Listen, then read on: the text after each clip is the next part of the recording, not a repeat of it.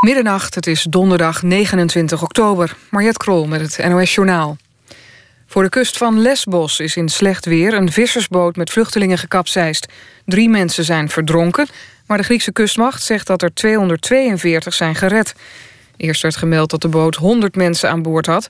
Later was er sprake van 300 opvarenden. Sergio Orlandini, de vroegere president-directeur van KLM, is overleden, meldt het vakblad Zakenreis. Orlandini was van 1973 tot 87 de hoogste baas bij KLM. Daarna bleef hij nog jaren commissaris. Orlandini was geboren Italiaan, maar kwam als vijfjarige naar Nederland. Volgens de huidige directeur heeft KLM veel aan hem te danken. Mede door zijn enorme inzet en visie is KLM uitgegroeid... tot een toonaangevende luchtvaartmaatschappij, zegt hij. Orlandini was 94 jaar. Sharon Dijksma maakt grote kans om de opvolger te worden van Wilma Mansveld als staatssecretaris van Infrastructuur en Milieu. Volgens bronnen in Den Haag heeft Dijksma veel Haagse ervaring en is ze inhoudelijk sterk. Ze is nu staatssecretaris van Economische Zaken. Als PvdA-kamerlid voerde ze lang het woord over verkeer en waterstaat. De PvdA wil de naam van Dijksma nog niet bevestigen. In de VS hebben de Republikeinen Paul Ryan genomineerd... als voorzitter van het Huis van Afgevaardigden. Zijn verkiezing lijkt daardoor een formaliteit. Voorzitter van het huis is een van de belangrijkste Amerikaanse politieke functies. Ryan moet de opvolger worden van John Boehner... die een maand geleden zijn vertrek aankondigde. In de derde ronde om de KNVB-beker is Ajax uitgeschakeld. In de Kuip won Feyenoord op de valreep met 1-0. Ajaxiet Joël Veldman schoot in de 95e minuut in eigen doel. Hoofdklasser Excelsior 31 schakelde verrassend Excelsior uit de eredivisie uit met 4-3. Topklasser FC Linde speelde gelijk tegen Roda JC 1-1, maar verloor toch na strafschoppen. HBS tegen Kozakkenboys werd 1-2 en FC Utrecht tegen FC Groningen eindigde na verlenging in 5-3. Het weer, vannacht kans op mist. De komende dag breekt vooral in de middag de zon door. Het wordt 13 tot 15 graden. Dit was het NOS Journaal. NPO Radio 1. VPRO. Nooit meer slapen.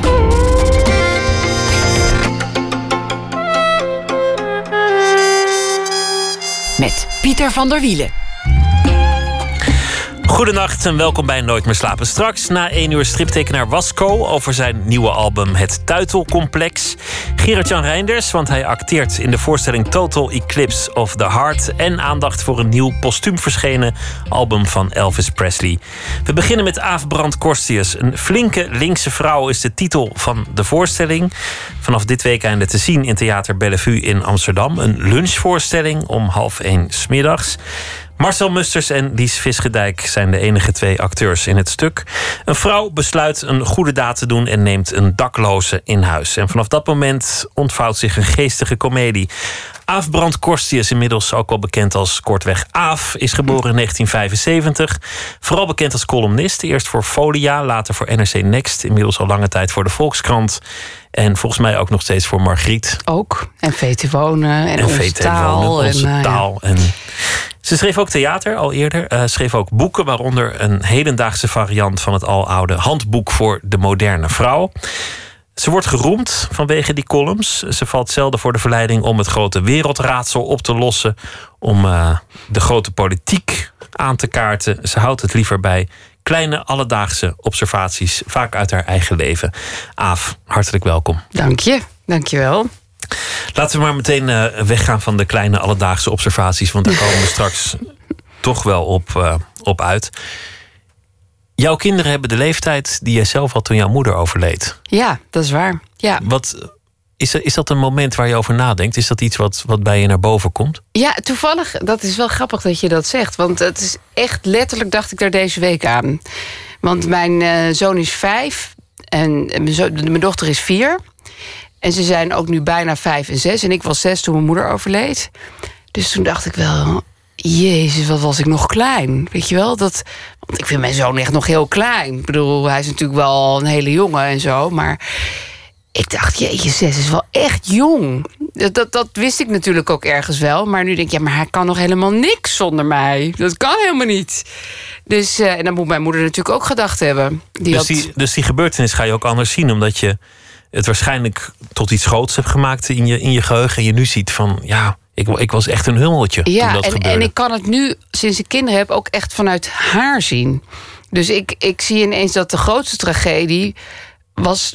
Ja, ik bedoel, ze is er niet meer, dus het is geen tragedie meer voor haar. Maar was het voor haar natuurlijk dat ze doodging. Het was voor haar het ergste. Voor ons is het verschrikkelijk, maar voor haar is het het ergste, denk ik. Dat ze ons achter moest laten. Dat zal ze zelf gelukkig niet meer weten. Althans, Nee. in, in, in mijn, In mijn eh, optiek ook opvatting niet, nee. niet. Hoe heeft het jouw leven veranderd? Als je daar nu over nadenkt. Ja, dat is zo moeilijk om te zeggen. Want ik, ik zat vandaag nog met mensen te praten over opvoeding en eh, hoe mensen hun kinderen allemaal dingen aan kunnen doen. En toen zei ik, ja, ik geloof dat er toch ook al heel veel gewoon in je karakter zit. Weet je wel, gewoon als je geboren wordt, weet je wel, hoe je Gewoon eindigt. aangeboren, de genen. Ja, en, en, en je bent gewoon iemand. En daar kan je natuurlijk wel wat aan afbreken of opbouwen. Maar ik denk, kijk, ik kan nooit zeggen hoe ik met mijn moeder erbij was geworden. Want ik heb ook eigenlijk helemaal geen idee wat voor moeder ze dan precies was geweest. Maar ik denk wel dat ik. Dat denk ik wel, dat ik, dat ik in ieder geval als kind zekerder was, gewoon zelfverzekerder was geweest. Dat denk ik wel. Het heeft je onzeker gemaakt op de een of andere manier. Ja, het was natuurlijk. Het is natuurlijk heel, heel onzeker als, als je de belangrijkste persoon in je leven wegvalt of verdwijnt. Of nou ja, zomaar er niet meer is. En, ehm, en, en mijn vader was ook gewoon niet zo. Je hebt ook vaders die, die zijn heel moederlijk en heel verzorgend. Zo, dat was hij gewoon niet. En, en, en hij vertrok ook vrij snel met ons naar Amerika. Dus we gingen ook helemaal naar een ander land. En alles weer opnieuw. Ja, dat is natuurlijk, daar word je wel een beetje, een beetje, een beetje mal van, En denk be- ik. Het besef van dood is dan ook al heel jong in je leven geïntroduceerd. Hmm. Want, want bij de meeste mensen komt dat misschien in je tienerjaren of in je twintigjaren. Dat je ineens denkt, oh ja, dat, Dat kan ook nog. ja. Mensen vallen weg. En dan is het ook meestal met iemand die hopelijk dan niet zo dichtbij is. Weet je, misschien is het een keer een buurvrouw of, of later je opa of, je oma, oma. En ja. dat is natuurlijk ook heel tragisch. Maar nee, maar dat is, dat, ik was ook gewoon heel, dat was ook een groot verschil. Was een heel angstig kind. Dus ik had heel veel van die dwangneuroses, weet je wel, om alles te bezweren de hele tijd. En dat was altijd van je moet dit doen, want anders dan was meestal van dan gaat papa dood. Dat was natuurlijk mijn andere angst van die moet ik niet ook nog kwijtraken.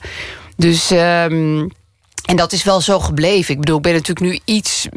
eh, je, je wordt gewoon wat, wat rationeler en zo. Maar die angst, dat, was, dat zat er wel heel diep in. Ja. Heeft dat je leven ook veranderd? Een, een besef van sterfelijkheid? Heb je, heb je meer Ja. haast gekregen of, of ben je serieuzer geworden?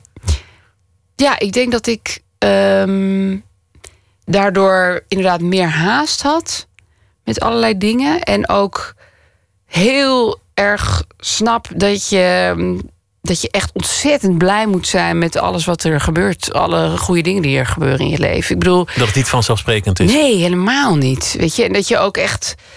Mensen kunnen. Zo, ja, ik zeur ook over luxe dingen hoor, tuurlijk. Maar bijvoorbeeld toen ik, eh, toen ik mijn kinderen kreeg en zo, ja. Ik, ik, ik heb gewoon jarenlang geweigerd om te zeuren over moederdingetjes. Weet je wel, zo'n oh, ik heb slapeloze nacht. En nu inmiddels durf ik dat toch ook wel eens te doen hoor. Maar ik dacht dat je, je bent zo godvergeven dankbaar dat je die kinderen gewoon hebt gekregen. Weet je, dat je dat nog meemaakt in je leven. Ik bedoel, ik had ook jong kunnen sterven, bij wijze van spreken. En, ehm, en, en dat heb ik wel heel erg. Dat ik echt. Ik waardeer het leven gewoon heel erg. Om het maar even zo te zeggen. Nou ja, dat, dat lijkt, me, lijkt me goed om, om dat het is te doen. heel handig. Jouw vader, jouw vader die, die is vorig jaar overleden. Ja. En, die, is uitgebreid herdacht, ook in dit programma. Hugo Brandkorstjes. Hij, hij werd vaak afgeschilderd als ook wel een moeilijke man. Als een, als een grappige man. Als een hele intelligente man. Het mooiste wat er over hem geschreven werd, dat kwam van jou. Ah, dat vind ik heel Want lief. jij, schreef, jij, jij schreef een andere kant van een heel lieve man. En hij heeft het toch maar gedaan. Drie kinderen Ja. in zijn eentje opvoeden.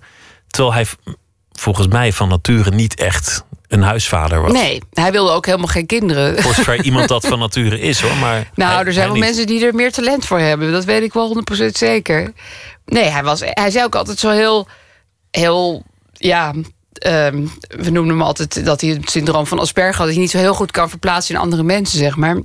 En zei zo, ja, ik wilde helemaal geen kinderen. Ga je ook leuk om dat tegen je eigen kinderen te zeggen. Altijd handig. Ja, altijd Ja. leuk, fijn. Daar worden ze ook zo heel, eh, heel, heel zelfverzekerd van. Maar de, zei, ja, je, je moeder wilde dat. Maar ja. En, eh, en, en, en, en ook nu, nu ik dus kinderen heb en zie hoe zwaar dat kan zijn... en hoe vermoeiend en hoe intensief... denk ik van, jezus, hoe deed hij dat? Ik snap het echt niet. Ik snap het echt niet hoe hij dat heeft gedaan. Met een baan erbij. Met, Ja, heel eh, intensief werk. Ja. alle stukken die hij eh, dan nog geschreven. Al Ja. die columns die hij maakte. En Ja. dan die kinderen erbij. Maar waarschijnlijk hielden jullie je ook wel een beetje in.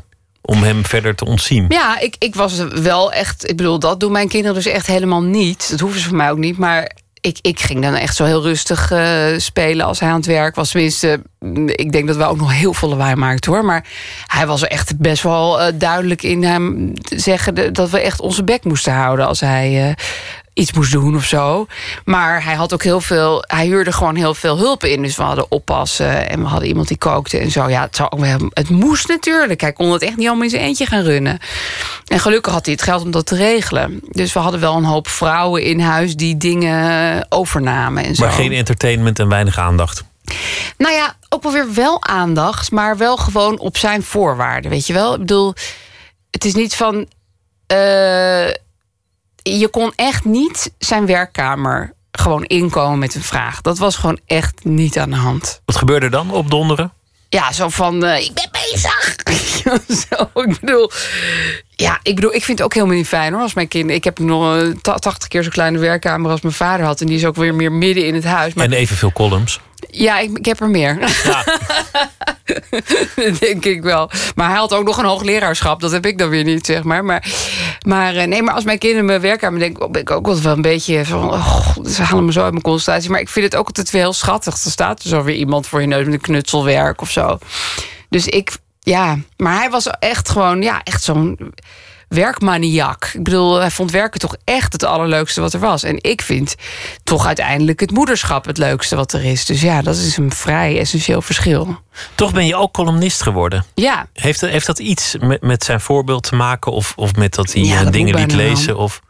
Nou, ik denk dat het, dat het, dat het ten eerste is dat, dat ik gewoon eh, kan schrijven. En dat kon hij ook. En dat is misschien genetisch zo. Of, of het is toevallig zo. Of, en wat ik denk ik ook heel belangrijk vind... is dat ik heb gezien dat columnist zijn echt een vak is. Weet je, dat je dat gewoon kan doen. Dat je daar je mee eh, kan onderhouden. Dat dat heel veel mensen denken, ja, schrijven, dat, dat, dat doe ik wel, maar dat doe ik er dan een beetje bij. Of ik zie het gewoon als een heel normaal beroep, weet je wel? Dat, daar ga ik gewoon mijn geld mee verdienen. Als een dagtaak, niet iets wat je er even bij doet. Nee, en ook niet eh, als iets wat je te serieus moet nemen. Dat is ook wel heel goed. Hij heeft me ook heel erg geleerd van... nou, dan heb je gewoon een deadline, dan ga je gewoon zitten... dan schrijf je dat en dan is het klaar. Ik heb helemaal geen struggles, weet je wel. Ik bedoel, wel een beetje, maar helemaal niet zoveel als sommige anderen. En dat heeft hij mij ook heel erg geleerd van... je gaat gewoon naar boven, je gaat tikken... en je komt weer naar beneden en we hebben het er verder niet meer over. Gewoon een soort moeiteloosheid liet Jo. hij zien. Maar je arbeidsethos is enorm. Je ging op een gegeven moment weg bij NRC Next. Ja. Alweer een paar jaar terug. Ja, Toen liet je eigenlijk een beetje de lezer zien hoe het eraan toe ging in Huizen Brandkorstjes. Namelijk, je zei ik heb deze column geschreven terwijl ik buikloop had. Sorry voor het beeld, schreef je er nog bij. Ehm, toen ik een miskraam had gehad, toen Ja, ik tien uur had de gehuild, toen ik van een begrafenis van een goede vriend kwam. ja, Altijd die deadline. Nooit verzaken. Nee, eigenlijk best wel een opschepcolumn nu je het zo zegt. Jezus. Nou ja, voor één keer mag eh, het. Ja, voor één dat keer was wel waar. Dat had ik toen ook. weten. Van, nu ga ik zo ver- vertellen hoe zwaar het al was. Nee, maar, ja, maar dat, dat... Weet je, ik heb echt wel eens gezegd van... nou, nou kan ik het echt niet. Maar ik moet ook wel zeggen dat, dat mijn vriend altijd best wel...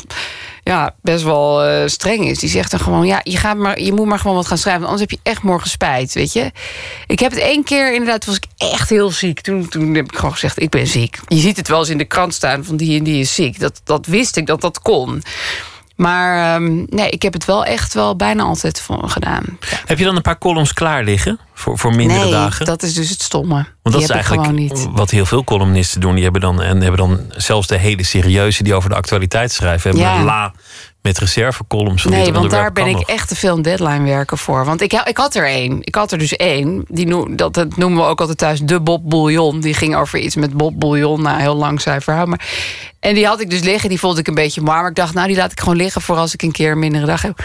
Nou, volgende week daarna had ik hem meteen gebruikt. Ja, hij lag daar gewoon, weet je wel. Ik bedoel, eh, te makkelijk. En zoveel deadlines, je moet ook leveren tenslotte. Ja, en, en inderdaad, dan heb je misschien één backup. Nou ja, dat is toch niet genoeg voor de hele week. Dus, uh, en ik vind vooruitschrijven, dat, dat werkt bij mij gewoon niet. Dan wordt het te, te sloom en dan heb je geen gevoel van urgentie meer. En dan verlies je ook elke concentratie. Dus dat is niet goed. Het begon bij de Folia volgens mij, toen je nog student was. Ja. Toen, toen ben je daar stukken gaan schrijven. Ja. Die werden opgepikt. Je, je kwam op andere plekken terecht. Bij radioprogramma's Ja. in het begin. Zijn we elkaar ook nog tegengekomen? Ja, ik deed Ja. toen een programma op, op Radio 5. En Ja. daar, daar schoof je af en toe aan. En nou ja, later is dat.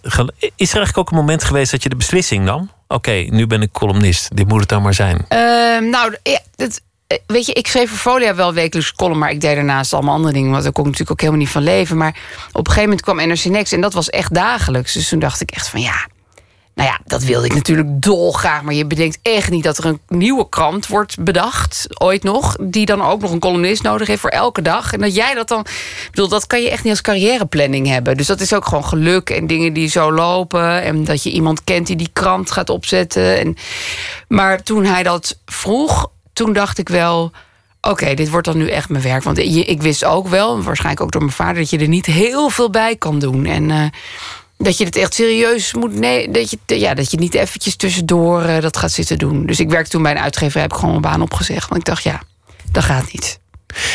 Het moeilijke is om, om te blijven bij wat mensen verwachten van Aaf. Je hebt een plek in die krant, Ja. een bepaalde toon. Ja, Jij gaat eigenlijk nooit daarin de mist in. Nooit je mening over de politiek, nooit het grote wereldraadsel. nee. Nooit al te persoonlijke ontboezemingen die, die misschien nee, pijnlijk zijn. zijn. Of, of, of heel gevoelig liggen. Het moet een, een kleine anekdote zijn. Ja. ja, of eigenlijk een, meer dan een anekdote. Het moet dan iets. Want een anekdote vind ik dus eigenlijk dan eh, niet goed genoeg. Dus het moet in, in een verhaal zijn wat. Ja, hoe leg je dat nou eigenlijk uit, hè? Nou, wat meer is dan een anekdote. Maar dat klinkt een beetje raar. Maar ehm, een anekdote is vaak net niet genoeg. Een observatie. Ja, dus er moet ook nog een soort visie. Nou ja, dat is wel een heel groot woord voor een stukje van 450 woorden. Maar er moet een soort idee bij zitten. Dat hoeft er helemaal niet heel erg expliciet in te zitten. Maar gewoon een leuk verhaal is, is dat is nooit genoeg. Wanneer, wanneer is het goed? Kan, kan je dat definiëren? Nou, dat is wel moeilijk. Want ik heb heel vaak, dan schrijf ik een stukje en dan denk ik van, oh, dit was echt, oh, dit was echt zo'n noodsituatie. En dan, dan krijg ik ineens allemaal leuke reacties. Terwijl ik ook wel eens een stukje zei van, nou, dit was wel echt, daar heb ik echt wel heel lekker eh, aan zitten te typen. En dan hoor ik helemaal niks. Maar ik vind het zelf eigenlijk goed als ik het gewoon eh, een week later gewoon eens teruglees. Weet je wel, soms dan, dan doe je dat. En dan denk je, oh, dit vind ik echt best wel, dit wil ik wel echt uitlezen. Als ik mijn eigen stukje uit wil lezen, dan is het goed. Het stukje moet een wending hebben, het moet kloppen, het moet gewoon als, als stukje goed in elkaar zitten. Ja, Dan- heb je wel spijt van een ontboezeming? Want je eigen leven komt vroeg of laat in die, in die column. Je zou Nou. slechter zijn als je dat niet zou doen. Maar is er wel eens een bekentenis waarvan je achteraf dacht... "Mm, had ik niet moeten doen. Nee, eigenlijk, want ik, ik beken ook helemaal niet zoveel hoor. Ik bedoel, er zijn zoveel dingen die ik helemaal niet beschrijf, weet je wel. Dan zeggen mensen van, ja, ik denk dat ik je een beetje ken door je komst. Is het natuurlijk ook wel zo, maar ik denk, nou, er is ook nog echt een hele 99% die er niet in belandt Maar goed, je, natuurlijk. je leven verandert. Je, je, je, vindt een, eh, een geliefde. Ja, Je wordt moeder. ja, Je raakt zwanger. Nou ja, daar daar zit vaak een bevalling aan vast. ja, ook nog. En dan, dat haalt uiteindelijk allemaal die column. En jij verandert. Dus, dus jouw column verandert daarmee ook. Ja. Je bent niet meer de single vrouw Nee, helemaal op een niet. fiets in Amsterdam. Nee.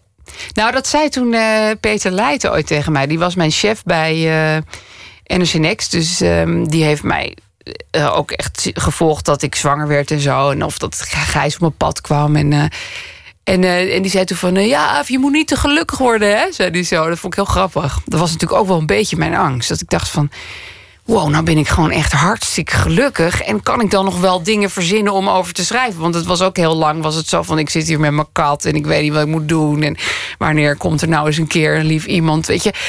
Dat kon ik allemaal niet meer behandelen. Dus dat was wel grappig dat hij dat zei. Maar het is, het is wel goed afgelopen. Ik bedoel, ik ben nu nog steeds gelukkig. En eh, ik heb ook nog een- steeds een column. Is dat een angst dat je misschien een groot, meeslepend leven moet leiden om een goede columnist te zijn? Nee, dat geloof ik ook echt niet hoor. Nee, ik, ik, ik lees zelf namelijk ook heel graag columns van mensen die helemaal geen groot en mislepend leven hebben. Juist inderdaad over kleine frutteldingen, weet je. Dus eh, ik denk zelfs dat soms de meest buitennissige dingen die je meemaakt... dan weer niet zo heel geschikt zijn voor een column op de een of andere manier. Ik denk dat in Nederland vaak columns leiden aan de gedachte dat het gewichtig moet zijn. Ja. Terwijl Oh, in, in verschrikkelijk. Engelse en Amerikaanse Ja. kranten, ook in de New York Times en de Er Washington staan Post, hele luchtige kleine stukjes, ja. En die het zijn heel leuk. alledaagse en het persoonlijke Ja. niet wordt geschuwd. Nee, maar ook- dat is ook veel meer mijn ook journalistiek inspiratie. is. Dat, dat, dat is ook al wat ik tegen mensen zeg van zeg maar humor schrijven, wat, wat ik dan een beetje zie ook eh, als mijn afdeling.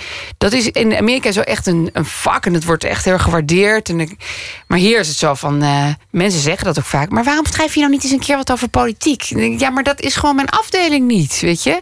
Dat, dat ben ik a helemaal niet eh, briljant genoeg om politieke situaties. Het interesseert me ook helemaal niet genoeg. En ik, ik, ik vind het veel leuker om over die kleine dingen te schrijven. Of over de kleine dingen. Het zijn ook best wel grote dingen. Maar de levensdingen, om het maar even zo te noemen. We gaan luisteren naar ehm, een Engelse zangeres, Martha Fionn. En het nummer heet So Long.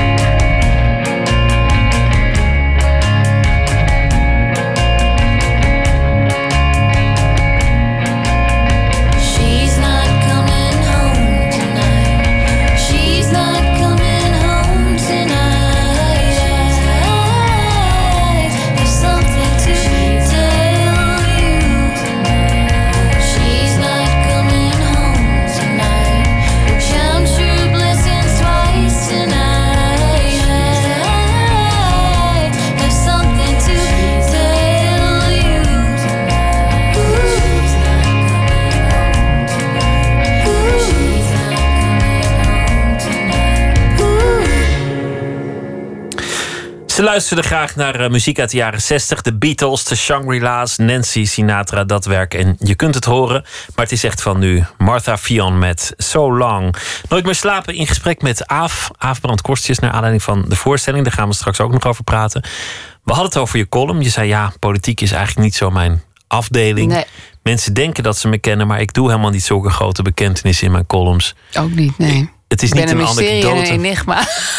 Nou, je, je hebt ook wel eens geschreven in een van je columns. van, Ja, mensen, mensen die hebben het graag over hele chique dingen. Zoals eh, films van Truffaut of, eh, of een mooie fles Barolo. Maar ik ben nou eenmaal meer van een, een sitcom-serie. Ja, is echt waar. Ja. Doe je daar zo. jezelf niet mee tekort? Nee, dat denk ik niet. Ik denk dat je jezelf eerder tekort doet als je gaat beweren dat je dingen mooi vindt of zo, omdat andere mensen dat belangrijk vinden. En natuurlijk hou ik ook wel eens van eh, iets intellectuelers dan heel Holland bakt of zo. Ik bedoel, dat kan echt heus wel. Maar ehm, ja, misschien juist omdat ik met zo'n intellectuele vader ben opgegroeid, eh, waar we het net over hadden.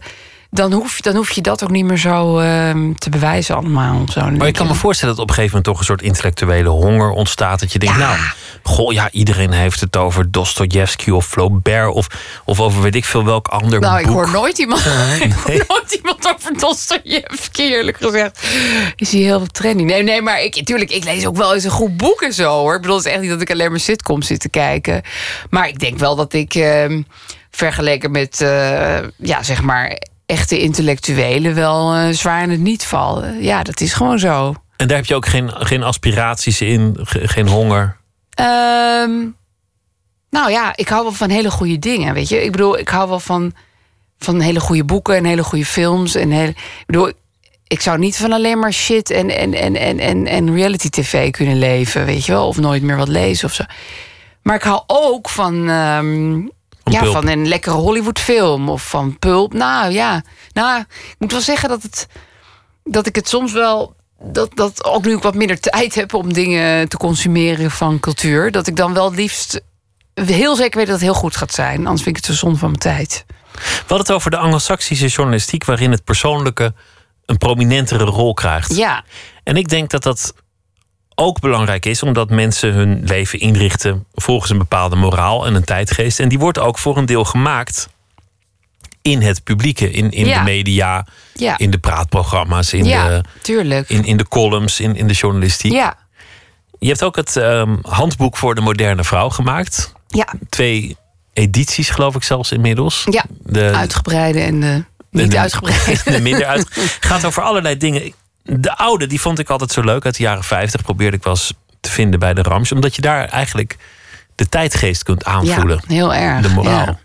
Ja, dat was ook eh, dus mijn eh, co-auteur, Ma- Machteld van Gelder. Die had ook als hobby om die oude handboeken te verzamelen. Dus daar had ze ook heel veel van. En daar zag je inderdaad van eh, hoe je in de jaren 50 de ideale vrouw was. En in de jaren 60 en de jaren 70 veranderde natuurlijk gigantisch. En wij wilden dan voor deze tijd dat maken. Maar het grappige is ook weer dat je zelf ook weer verandert. Dus sommige adviezen die ik in dat boek geef... daar kan ik nu zeg maar vijf jaar later ook al niet meer achter staan. Dus, dus het is ook nog eens heel persoonlijk en heel subjectief. Terwijl die handboeken doen altijd alsof ze het allemaal weten. Maar dat is natuurlijk helemaal niet zo. Wat gold in de jaren 50 gold ook bij jullie. De, de moraal is aan de ene kant heel vrij gevochten. Ja, Er, wo- er worden pornofilms aangeraden op, op mate Ja. van vrouwvriendelijkheid. Er worden erg ons best op eh, nou ja, gedaan. ook, ook buiten het seksuele wordt, wordt eigenlijk geen onderwerp geschuwd. Nee. Eh, drugs, overspel, nou ja, noem maar op. Ja, jeetje, ja. Het zit er allemaal in, hè? Ja. Maar de, de basis van de moraal is, is eigenlijk heel erg braaf.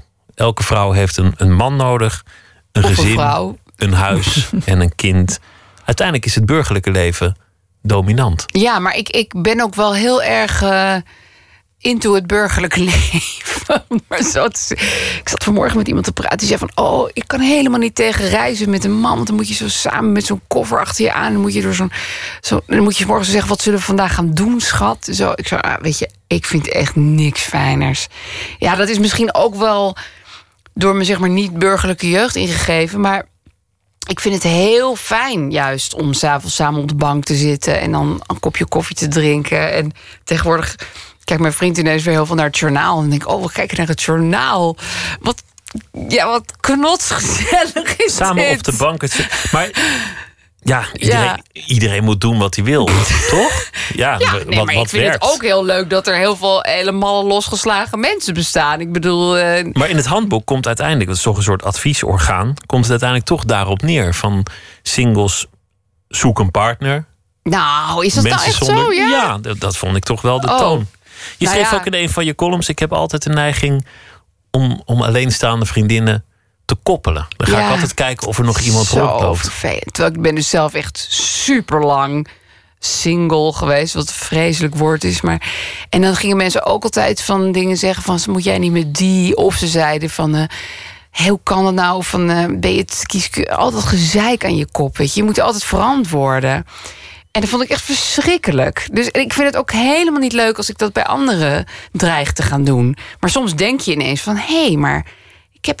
Volgens mij kan ik voor jou, weet je, kan ik wel betekenen. En het is natuurlijk helemaal niet zo. Ik heb nog nooit iemand gekoppeld of zo. Ik bedoel, dat, dat is onmogelijk. Maar je zegt, ik, ik ben erg van het burgerlijke bestaan. Ja, Vaak, dat ben ik echt. Je, je bent eigenlijk gewoon een, een, een burgertut voluit. Ja, Ik bedoel het niet scheldend, maar ehm, ik heb, ja, ik heb natuurlijk ook wel me soort van. Ik bedoel, ik ben niet bijvoorbeeld heel, heel braaf, gehoorzaam of eh, eh, autoriteitsgevoelig of. Ik, beetje, ik, ben, ik bedoel ook niet dat ik nou heel veel steel of zo, maar ik ben niet echt tuttig wat dat betreft. Ik, ik scheld ook wel heel veel mensen. Weet je, ik bedoel, kan ook heel naar zijn, maar Ehm, ik hou wel gewoon van het, eh, de structuur van het gezinsleven en een huis wat helemaal op orde is. En ja, dat vind ik heel fijn. Ja, je kijkt dan- me echt zo aan. nee, ja, Mijn god, je bent gek. nee hoor, ik heb geen mening. Oh, je hebt geen mening. Oh, dat, is wel, dat is wel rustig. Ja. Dan is er ook nog ehm, de politiek. Je, je onthoudt je eigenlijk van een oordeel, maar toch, toch komt het altijd op de achtergrond langs. Ook, ook in je laatste theaterstukken dan gaat het eigenlijk een beetje over de asielproblematiek. Ja, Of het gaat eigenlijk een beetje over allerlei worstelingen. Ja, Ook hier had je, had je een, een, een vader die enorme meningen erop nahield. ja, echt enorm. Ja, Die, die enorm stellig was. ja, Jij, jij onthoudt je daarvan. ja. Heb je ook geen mening of, of denk je gewoon, nou ja, ik hou hem lekker voor me? Nou, ik heb natuurlijk wel een mening, maar ik vind mijn mening zo. ehm, ja, zo gewoon, zeg maar. Weet je wel? Ik ben gewoon echt zo'n. Zo'n beetje zo van. Tussen GroenLinks en D66 in. En ik vind dat iedereen recht heeft op een goed leven. En ik ben heel erg voor goed onderwijs. En vluchtelingen natuurlijk. En ja, boring, weet je. Dat vind ik super saai. Stel dat ik dat moest opschrijven en dat andere mensen dat moesten lezen. Ik bedoel, wat doe je ze aan? Weet je, dat is echt zoiets als je boodschappenlijst in de krant zetten. Ik denk dat dat echt boeiender is trouwens. Maar mijn super voorspelbare linkse mensenmening... ja, nou, die beginnen natuurlijk wel iets aparter te worden in deze tijd. Maar is het toch, ja... Ik, ik kan me niet voorstellen dat iemand dat wil lezen. Dus je onthoudt je ook eigenlijk daarin van. van, van- Ja, ik schrijf alleen maar over dingen waarvan ik denk. Ja, hier kan ik wel iemand mee amuseren. Of op een, of op een leuke gedachte brengen. Of eh, eventjes eh, bezighouden. Als ik ga opschrijven van nou, ik vind het heel erg wat er gebeurt eh, met al die mensen, met al die vluchtelingen. Ja, natuurlijk vind ik dat erg. Ik bedoel, het is. Ja, terwijl er zijn ook mensen die kunnen daar, zoals Bas Heijnen bijvoorbeeld, die, die heeft dan een, een soort hogere gedachte, die, waar je nog niet op was gekomen. Die schrijft hij op en daar ben ik blij om, maar ik heb die niet. Je schrijft toneel. Dit is je eh, tweede stuk dat je hebt gemaakt met de mug met de gouden tand. Het Mhm. eerste stuk, dat heette 50-50. Ja. Dat ging over eh, een stel met een, met een open huwelijk. Ja. Het is een beetje een flauwe vraag, maar is het dan toch een soort fascinatie van. van Ja, zeker wel Ah. fascinatie. Ja, het kwam eigenlijk omdat in die tijd dat we dat stuk be- bedachten, toen ging Helene eh, van Rooyen net scheiden. Dus toen dacht ik, oh, oké, dus zij had een open huwelijk, heel beroemd, dat was heel bekend met Tom zij, was, zij was stout. Ja, zij was ook super, super stout. Dat, ja, dat was haar af. slogan, toch? Dat, dat ja, zei ze ja, altijd. Ja, met Marlies Dekkers en dan met al die BH's en zo. En ja, ik denk altijd hoe vaker je roept dat je stout bent, hoe, hoe niet stouter je bent. Maar dat is Maar misschien mijn... jij, eh, riep, jij riep volgens mij in die tijd, nou dan ben ik braaf. Dus Ja. dan, denk ik ook, dan is ze vast stiekem dan is ze echt super stout. kinky. Ja, Precies, dat zou kunnen natuurlijk. Nee, maar het was omdat Helene van Rooyen... Dat, dat je dacht, oh, maar ik dacht juist dat zij een hele goede oplossing had... voor de, de saaiheid of de sleur die in een huwelijk kan komen. Blijkbaar gunden ze elkaar alles, want ze, ze hadden dus een open relatie. En dat kan dus ook stuk. Dat was een beetje mijn fascinatie. Ik dacht, oké, dus dat kan ook kapot natuurlijk. En hoe dan? Weet je wel, wat gebeurt er dan in een open relatie... wa- waardoor je hem verbreekt? Want je kon toch ook gewoon al die tijd het ook al met andere mensen doen. wanneer Dus- gaat het te ver? ja, precies. Wat, wat is een soort breekpunt voor mensen die het allemaal zo leuk en, en, en, en wel overwogen hebben opgebouwd met z'n tweetjes? Nou, dat kan natuurlijk. Dat kan ook nog kapot. En dat is natuurlijk leuk om te laten zien. Want je wil natuurlijk nooit naar een, eh, harmonieus huwelijk kijken... een uur lang op het toneel. Maar omdat je het zelf niet, niet zou kunnen, of, of er eigenlijk niet geschikt voor zou zijn, of zou denken nou, het zou niks voor mij zijn. Ja, Dacht je van het is, het is toch fascinerend hoe dat zou kunnen werken. En Ja. het is natuurlijk ook mooi voor, voor dat format van een uur theater in de Ja. lunchpauze. Dan, dan moet het ook veel wendingen en veel, ja het veel moet actie snel. En, en het ging ook wel heel erg over zo'n modern stijl van nu... dat zo zo'n op orde stijl, weet je wel. Zo van, eh, weet je, we gunnen elkaar alles. We zijn heel open. Ik- Niet dat nou zoveel mensen een open relatie hebben... maar heel veel mensen zijn zo heel erg op orde. En van, we hebben gewoon zo twee succesvolle banen. We zijn heel erg bezig met, eh, met eh, onze iPhones en zo. En, maar dan toch, ondanks al dat happy de peppy gedoe... dan denk je toch van, hmm, ik geloof dat het toch niet helemaal lekker loopt. En dat is natuurlijk fijn. Je hebt eh, nu weer zo'n voorstelling gemaakt, weer met dezelfde eh, acteurs. Ja. Ik, ik ben eh, vanochtend, althans vanmiddag, ben ik gaan kijken met eh, Marcel Musters en eh Lies Visgedijk. We gaan luisteren naar een, een kort fragment. Nou, dat valt volgens mij helemaal niet mee. Ik ken je nu wat eh, vijf dagen. En daarvoor natuurlijk van bij de Albert Heijn. Ik zie het heus wel. Ja, ik zie het al helemaal. Margie die denkt aan de plantjes bij de vuilnis. Margie die denkt aan de Somalische vluchtelingen. Margie die denkt aan de arme mensen in de rij bij de voedselbank. En daar koopt ze dan echt lekkere, verse dingen voor. En dat gooit ze dan in de verzamelbak van de voedselbank met kerst. Heel anders dan andere mensen, want die gooien er alleen maar droge spaghetti van het huismerk in. Maar wanneer denkt Margje nou eens aan Margje? Eh, voor mij mag je alle schepsels helpen die je wil helpen. Maar denk eraan, jij bent ook een schepsel. Een alleenstaande vrouw met planten en een kat wil goed doen. En vraagt de man die de dakloze krant verkoopt bij de Albert Heijn, waar ze dagelijks komt. Kom anders gewoon bij mij logeren. Ja. Waar, waar begon het? Dit stuk. Ehm, ja, weet je dat ik dat eigenlijk helemaal niet precies weet wat dat nou ehm triggerde. Nou, ik denk inderdaad gewoon ook wel gewoon de hele banale gedachte dat je elke dag langs zo'n man loopt en denkt: als ik hem nu een kamer aanbied, zijn zijn problemen gewoon opgelost. Ik bedoel, zo simpel is het eigenlijk, weet je. Er was bij mijn Albert Heijn heel lang een ontzettend sympathieke dakloze krantverkoper. En eh, dan dacht ik altijd van, ja, ik zou hem natuurlijk ook gewoon in huis kunnen nemen. Ik bedoel niet omdat ik hem nou eh, als een soort vriend wilde of zo, maar gewoon, ik zou hem gewoon zo kunnen helpen. En dat is natuurlijk nu precies met zo wat iedereen met die vluchtelingen denkt van, jeetje. daardoor, ehm, daardoor werd het stuk ineens op wonderlijke wijze heel actueel. Ja, Omdat, omdat die discussie was. Abu Taleb die had gezegd: Nou, ik zou wel een vluchteling in huis willen nemen. Maar dan zou ik door mijn voorbeeld wel erg veel gewicht erin leggen. ja. Dat was een beetje Mm, Best wel een eh, ja, wonderlijke manier om te zeggen dat je er geen zin in hebt. ja, wat ook prima is. Je kan Ja. ook zeggen: Nou, joh, eh, Mikasa, Mikasa, ik heb er geen zin in. Waarom niet? Ja, nou ja, dat zeg ik dus ook zelf. Ik neem ook geen vluchteling in huis. Maar dan denk ik echt van, wow, maar het valt me toch wel tegen van mezelf. Weet je wel dat ik zo hard ben.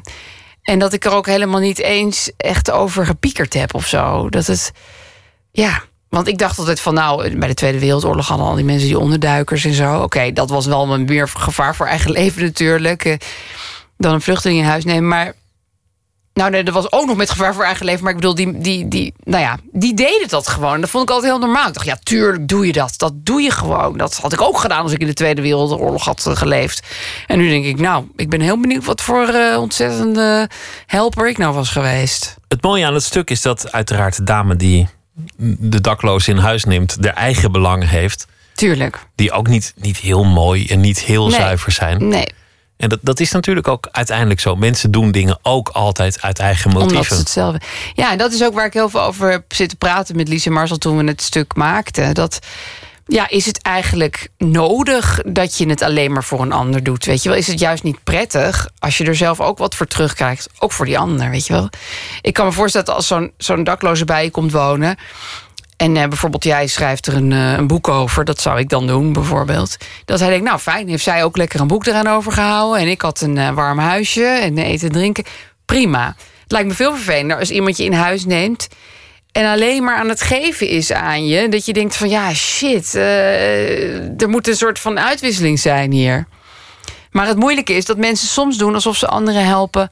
echt alleen maar omdat ze ze willen helpen. Dat, dat is gewoon bijna nooit zo. Ik zie dat nu vrij veel mensen die, die dan gaan helpen en, en dan met zo'n bedremmelde Syriër een selfie maken. En ja, die, dat die vind dan ik heel erg. posten op social media met heel veel gezwollen tekst in hashtag. En eigenlijk denk ik dat, dat het ook een beetje de glans van je goede daad Ja. afhaalt als je zo'n selfie neemt daarna. Ja, en ik vind het ook heel, eh, nou ja, heel kleinerend tegenover de mensen die je helpt. Weet je wel, zo van hier, jij bent mijn, eh, mijn helpmascotte of zo. En ja, ik, ik, ik, vind het heel goed als mensen gaan helpen. Maar inderdaad, ja, deel het maar, deel het niet of zo. Maar ik denk dat dat ook best wel weer moeilijk is. Omdat het nu iedereen het er zo over heeft en zo. En dan, ik kende ook via, via iemand die was dan gaan helpen bij de sporthal... waar dan heel veel vluchtelingen... En was ik ook helemaal van, oh, heeft jij dat gedaan? En hoe was dat? En ja, het is echt ook zo'n ding om daarover te praten met elkaar. Dus... eh, maar ja, helpen is gewoon eigenlijk helemaal niet zo'n zo'n makkelijk ding om te doen. Ik bedoel, eh, Nee, er zitten heel veel dingen aan vast. Wat is helpen? Wanneer Ja. help je iemand echt? Ik, Ja, precies. ik denk dat je iemand het meest helpt door hem zijn waardigheid terug te geven, zijn trots. Ja, en dat is heel moeilijk, hè? Ik bedoel, Ja, een, een baan zou helpen, maar dat mag dan niet. Ja, en, en, en moet je iemand bijvoorbeeld gewoon geld geven? Of eh, dat is net zo met die dakloze krantverkoper. Dat, dat jarenlang dacht ik zo van, eh, ja, nou ja, eh, ja, ik kan hem wel geld geven, maar dat zit dan toch in zoden aan de dijk. Morgen staat hij er gewoon weer, weet je wel. Ik bedoel, het is niet alsof je dan ineens een, een, een een leven opbouwt. Maar toen ben ik één keer, en dat was ook voor een stukje, maar naar de eh, begrafenis van zo'n dakloze krantverkoper van mijn Albertijn geweest. Toen dacht ik, jezus, weet je, die, die man maar twaalf mensen op zijn begrafenis dat je denkt, ja, dat is wel een heel ehm, eenzaam bestaan geweest. Weet je, die... en, en waarom heb ik hem eigenlijk niet gewoon af en toe een eurotje gegeven? Weet je, wat, wat was het voor mij? Het mooie aan het stuk was dat uiteindelijk de dakloze heel rechts bleek te zijn. Ja. Een, een soort neoliberale levensvisie had in, in Ja. de aller, allermooiste verschijning. Namelijk, je bent een loser en je bent een winnaar. En dat ligt voor het leven vast en dat is ook goed. Ja, dat is gewoon Zo'n zo. soort filosofie Ja. heeft hij. En dat eigenlijk de rollen zich volledig omdraaien. Ja, En dat natuurlijk ook de flinke linkse vrouw die je portretteert... ontzettend ehm, slechte dingen doet. ja, zij is echt niet alleen maar lief.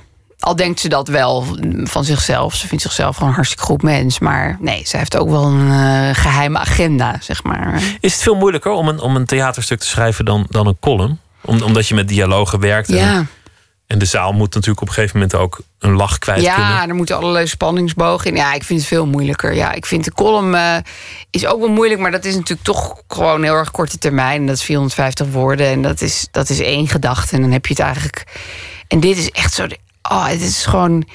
Weet je, het is superleuk om te doen. En het voordeel is weer, je kan alles verzinnen. En het, bij een column vind ik, je moet je wel aan de werkelijkheid houden en zo. Hier kan je alle kanten op, maar dat maakt het ook weer zo ingewikkeld. En ja, wil je, wil, je, wil, je, wil je dat die vrouw aan het eind goed is? Of wil je dat ze toch kwaad is? En, of of, of wil, je, wil je er ineens nog een, spook bij introduceren? Ik heb vorige, bij het vorige stuk heb ik een foto laten praten. Nou, dat kan helemaal niet. Maar ik dacht ineens, ja, ik ben theater aan het maken. Dus alles kan nu, weet je wel.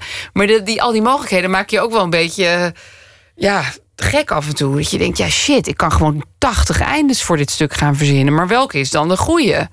En je hebt gelukkig twee hele goede acteurs. Ja. Van de Mug met de Gouden Tand. Marcel Ja, Musters en Lies. Wischedijk. Ja, Die dan ook waarschijnlijk een beetje helpen om het personage Ja, al vorm te improviserend eh, vorm te geven. Ja, daar hebben we het ook heel veel over. En zij zijn ook echt wel makers. Dus zij kunnen ook heel erg denken van... nou, weet je, hier, hier zakt het in. Of we hebben hier toch wat extra eh, nodig. Of eh, is, het nou, is die man al heel volks? Of is hij eigenlijk toch een soort van intellectueel? Weet je, daar hebben we dan allerlei... Hebben zij ook allemaal gedachten over. En daar komen we ook best wel in overeen vaak. Dus dat is wel heel leuk.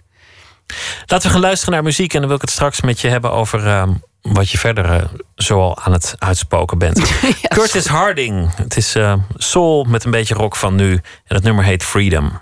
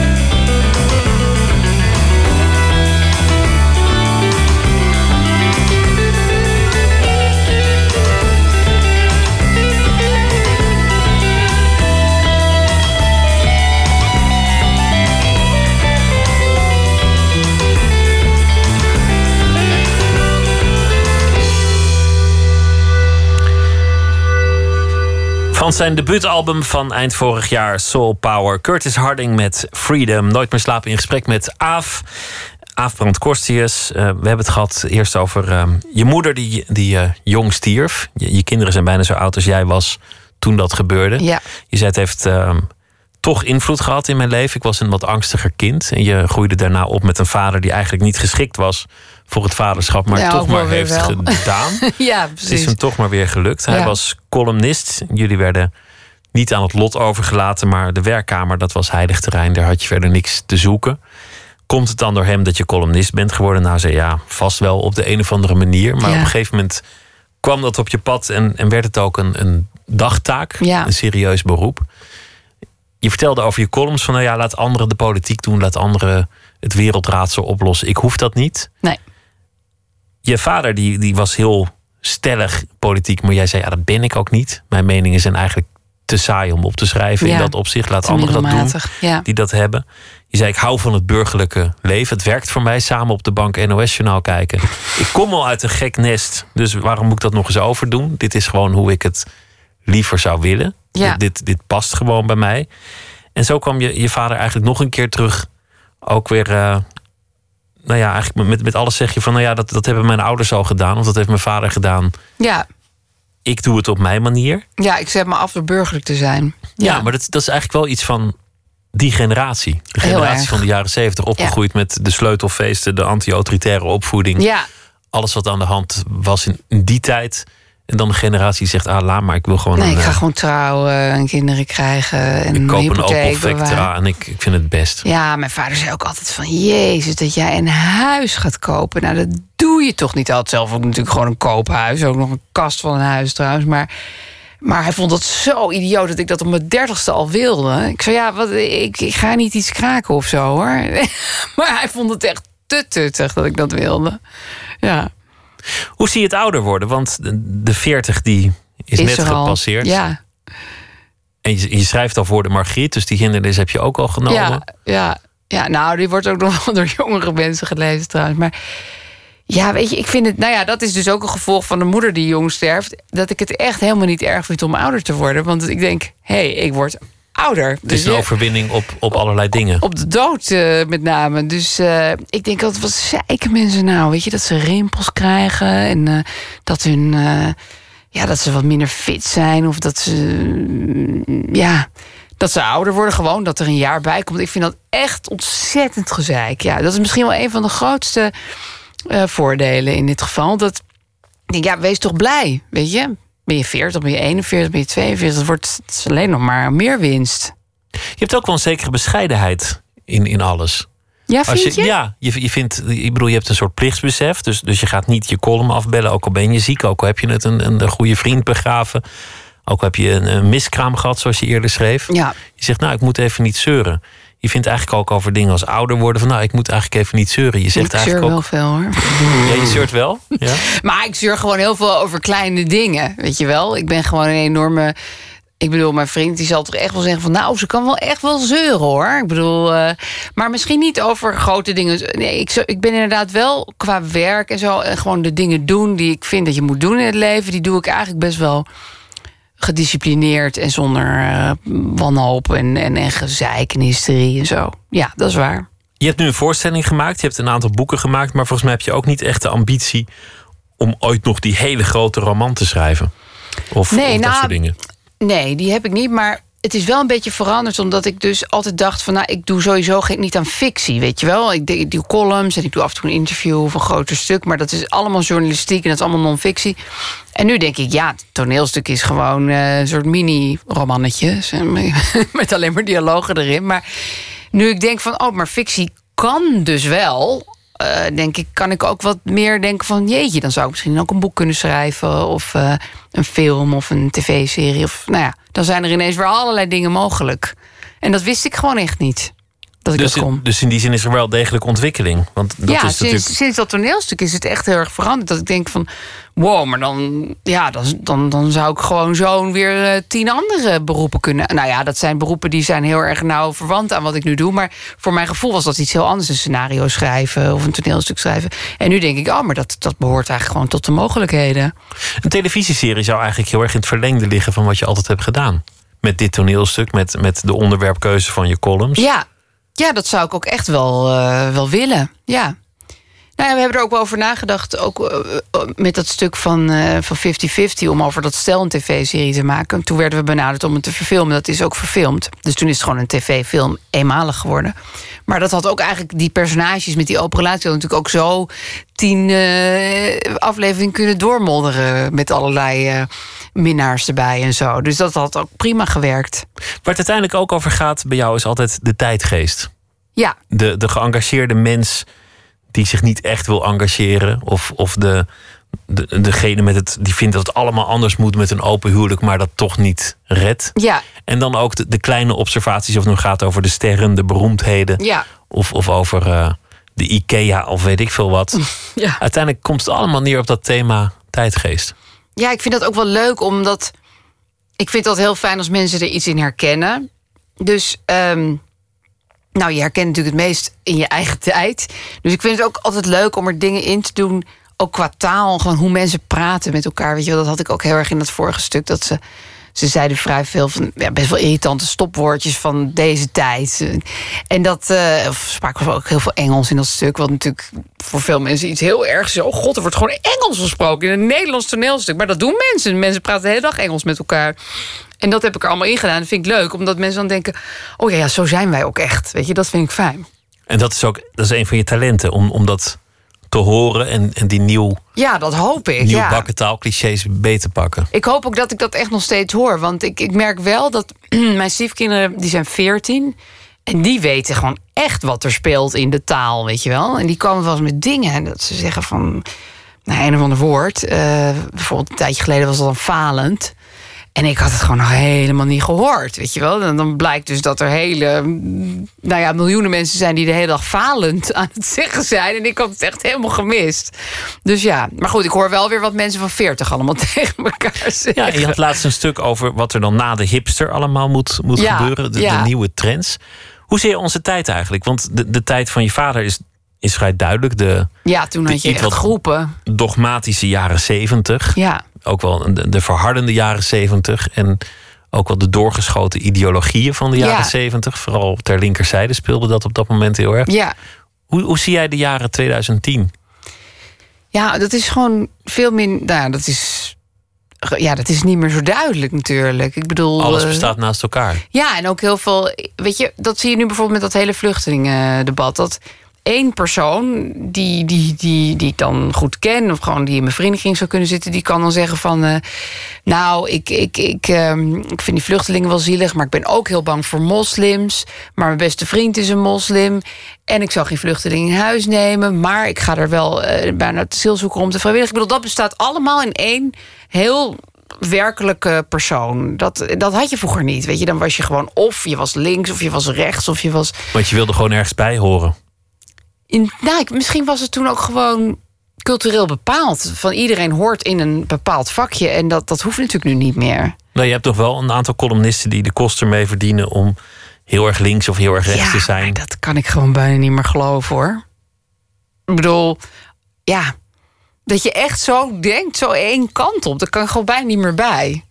En hoe zie je de vrouwenemancipatie? Want vaak gaat het ook over het gezin, over Ja. de vrouw. Je hebt ook het, het handboek voor de moderne vrouw. Ja, Vaak onderwerpen over vrouwenemancipatie en feminisme die ontaarden in enorm wijdlopige sociologische betogen Ja. over, over de nieuwe feminist. Ja.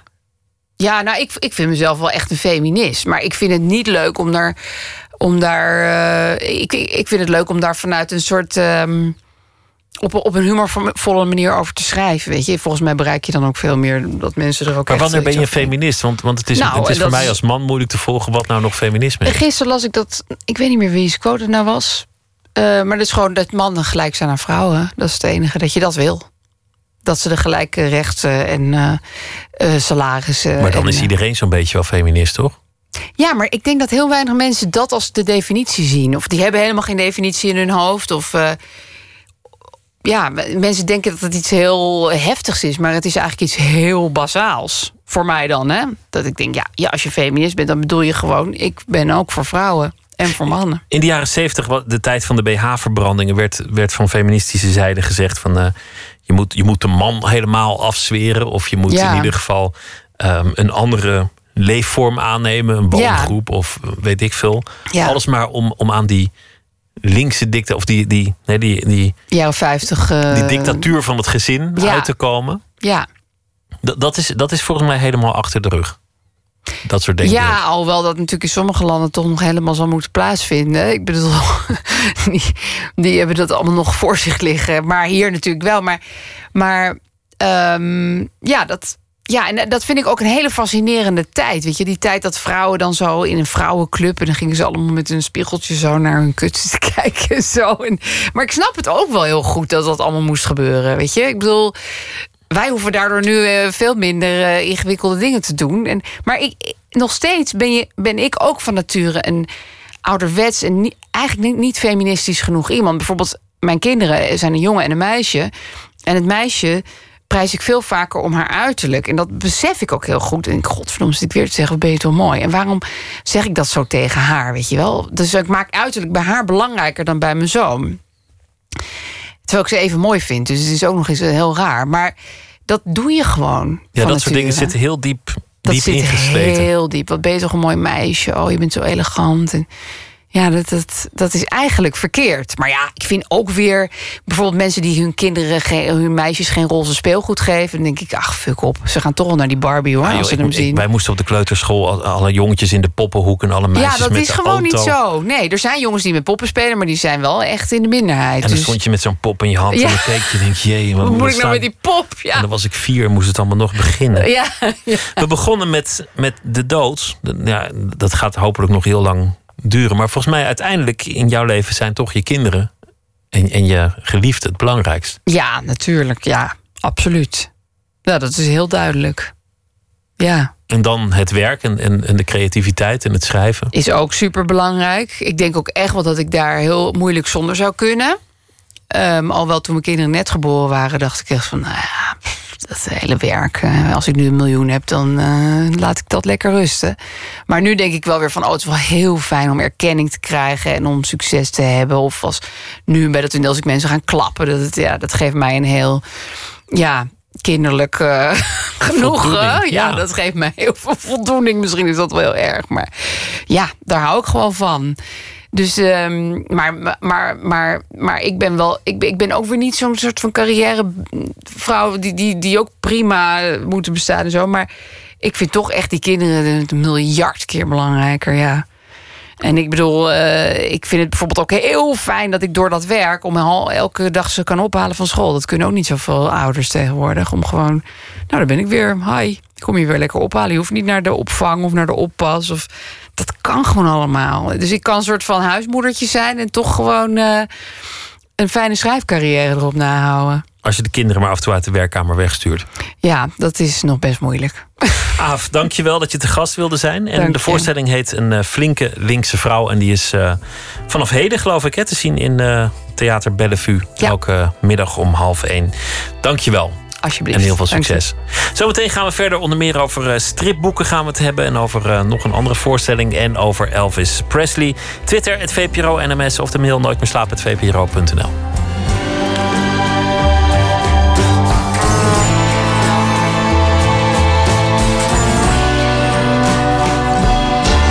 Op Radio 1. Het nieuws van alle kanten.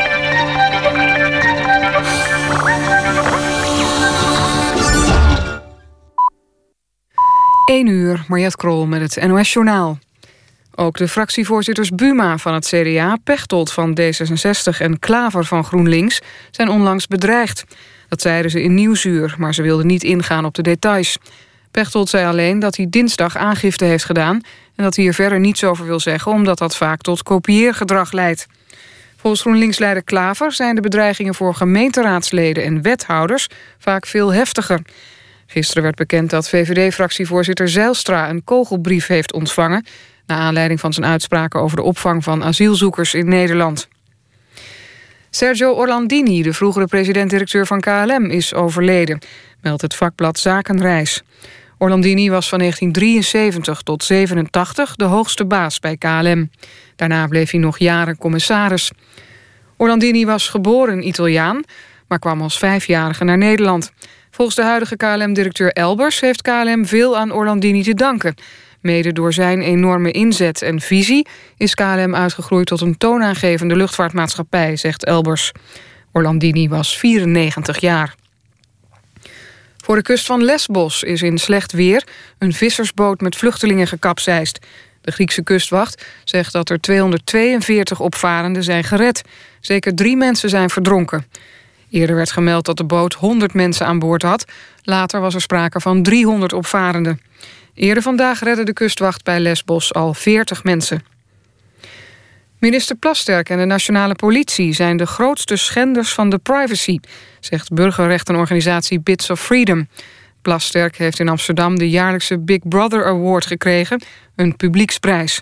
De minister werkt aan een wet die veiligheidsdiensten meer bevoegdheden geeft om af te luisteren. De politie krijgt een prijs omdat die burgers met afwijkend gedrag al bij voorbaat als verdachte zou zien. Het weer, vannacht kans op mist. De komende dag breekt vooral in de middag de zon door. Het wordt 13 tot 15 graden. Dit was het NOS Journaal. NPO Radio 1. VPRO. Nooit meer slapen.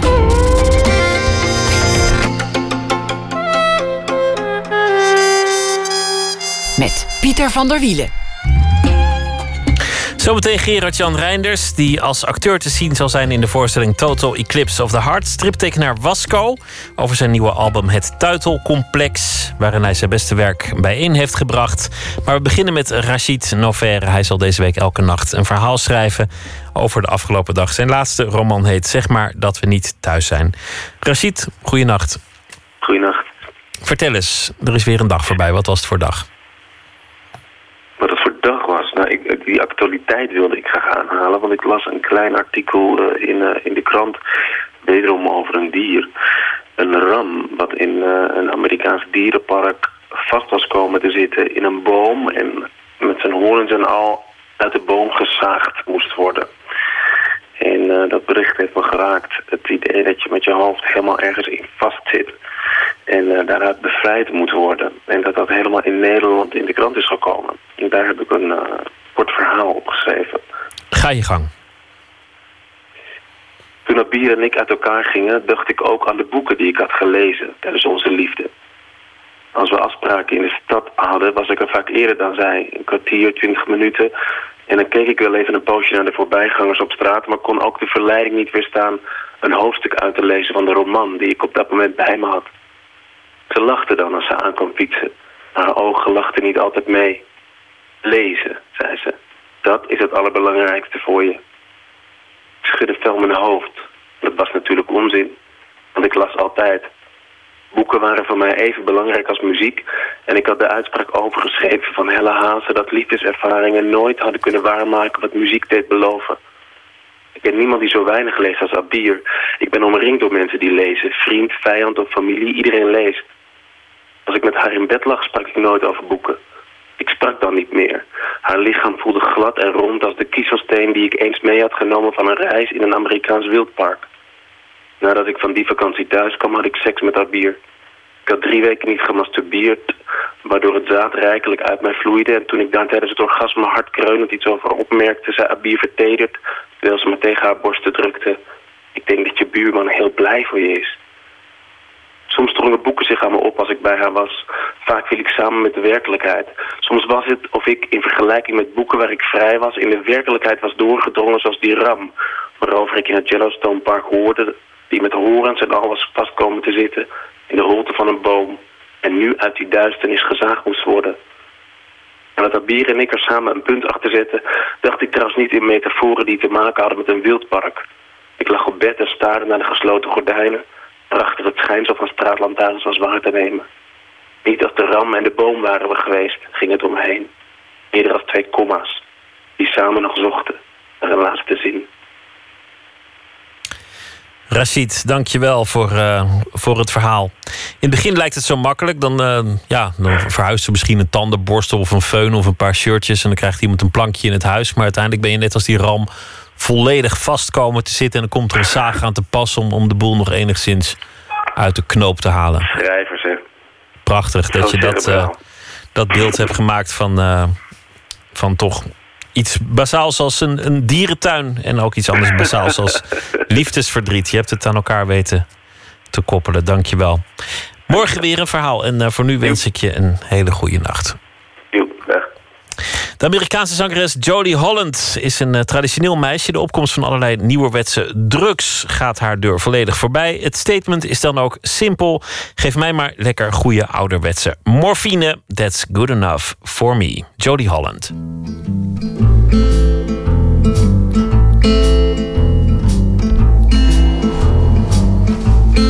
Give me that old fashioned morphine.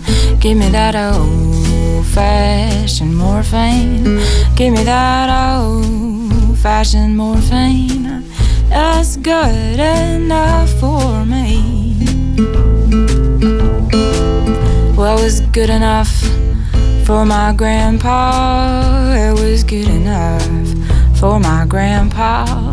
That was good enough for my grandpa. That's good enough for me. door.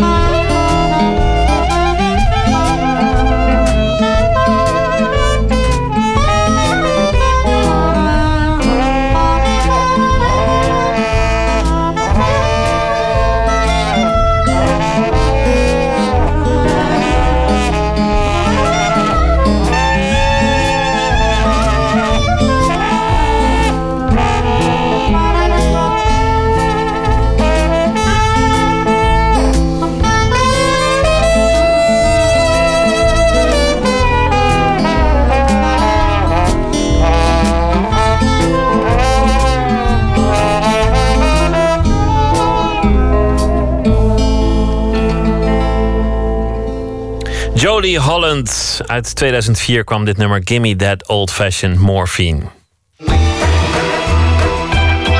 Nooit meer slapen.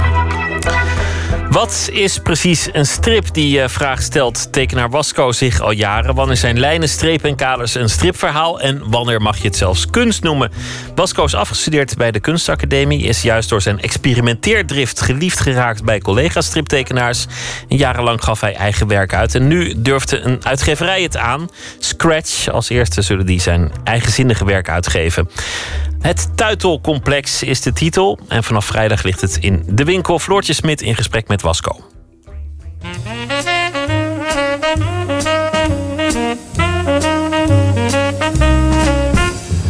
Het is een boek met strips.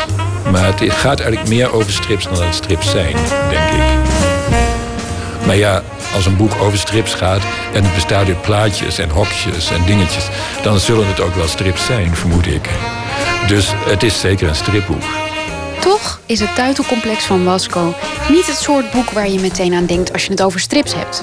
Het heeft geen verhaal. In dit boek zit er bijna geen verhaal in, nee. Het staat ook niet vol met drie plaatjes die eindigen met een grapje. Nee, want daar ben ik tegen.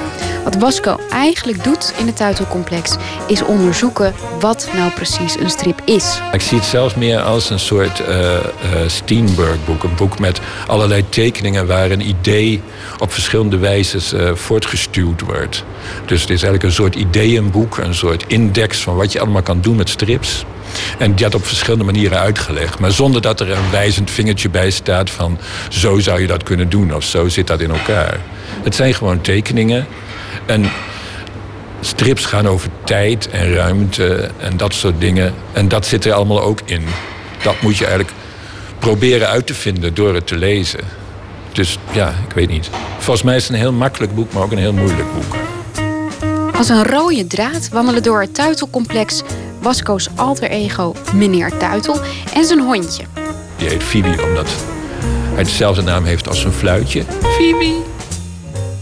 Een beetje zoals Bobby hoort bij Kuifje en Marsupilami bij Gust Vlater. Hij staat vaak alleen maar gewoon ernaast om aan te geven waar de grond is. Verschil is dat deze twee uiterst versimpelde poppetjes zich niet laten bedwingen door strakke kaders en andere stripwetten. Ze voelen zich evenzeer thuis in een schilderij van Mondriaan als in een knipoog naar Hergé. Of in een door Tuitel getekend lijnendoolhof. Ik wil eigenlijk steeds uitvinden hoe kan ik het medium op een andere manier eh, naar mij toe trekken. Hoe kan ik eigenlijk iets nieuws doen? Dus ja, ik ben eigenlijk altijd aan het onderzoeken, altijd aan het denken van kan ik het niet op zijn kop gooien? Kan ik het niet op de een of andere manier binnenste buiten werken? Soms denk ik, oh, ik heb helemaal iets nieuws uitgevonden. Eh, Dit is echt, eh, niemand heeft dit ooit gezien. En eh, dit, dit is helemaal anders. Maar eigenlijk is dat helemaal niet zo. Als ik dan een half jaar later terugkijk, denk ik, oh, je hebt weer precies hetzelfde gedaan als een half jaar geleden. Wat interesseert jou zo aan het stripverhaal dat je het een, een boek lang wil onderzoeken? Ehm, ik weet het niet precies.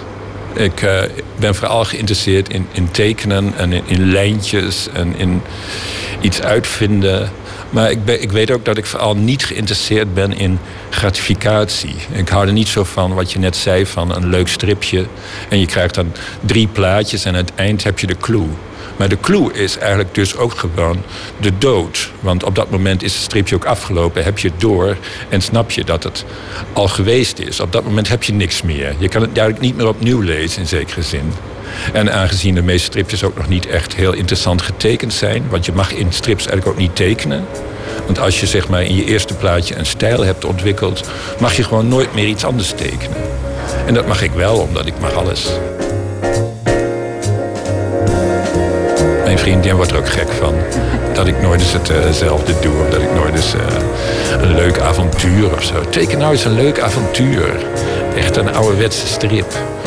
Maar ik moet altijd weer iets zo, het moet altijd weer zo raar worden of zo. Ingewikkeld of zo. ehm, of abstract. Of, ik weet het niet. Maar het moet altijd wel weer moeilijk worden.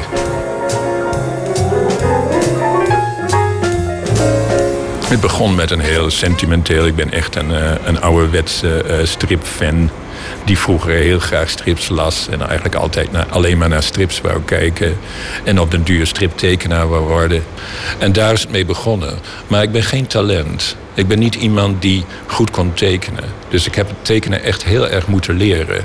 Het is niet zo van ik, Peter van Straten of Joost Roelofs... en ik heb nog wel een paar tekenaars die hun. Die zijn fantastisch. Die konden, Jan Kruis, die konden meteen al goed tekenen. Maar ik, ik kon helemaal niet tekenen. Ik kon op mijn twintigste nog nauwelijks iets uh, fatsoenlijks uit mijn pen uh, laten vliegen. Dus ik moest gewoon heel hard werken. En misschien dat het daar wel een beetje in zit. Van dat ik het steeds opnieuw uit moet vinden. Dat steeds, ik kan nog steeds een heleboel dingen niet tekenen. Dat gewoon, uh, ja, ik moet nog steeds leren. Maar ik wil eigenlijk meer het medium leren. Eigenlijk, het medium is weer wat anders dan tekenen. Dus strips, iedereen denkt strips, oh, daar moet je voor kunnen tekenen. Maar dat is helemaal niet zo. Strips zijn een medium. Dat is gewoon een soort machine die je moet snappen. En dit hele boek zit eigenlijk zo in elkaar. Dat je naar die machine kijkt en dat je moet proberen... Hoe zit het nou, waar zitten nou eigenlijk de tandwieltjes? Hoe zit dit nou eigenlijk in elkaar? Waar ben ik nou eigenlijk naar aan het kijken? En dat kan bevredigend zijn en frustrerend, vrees ik.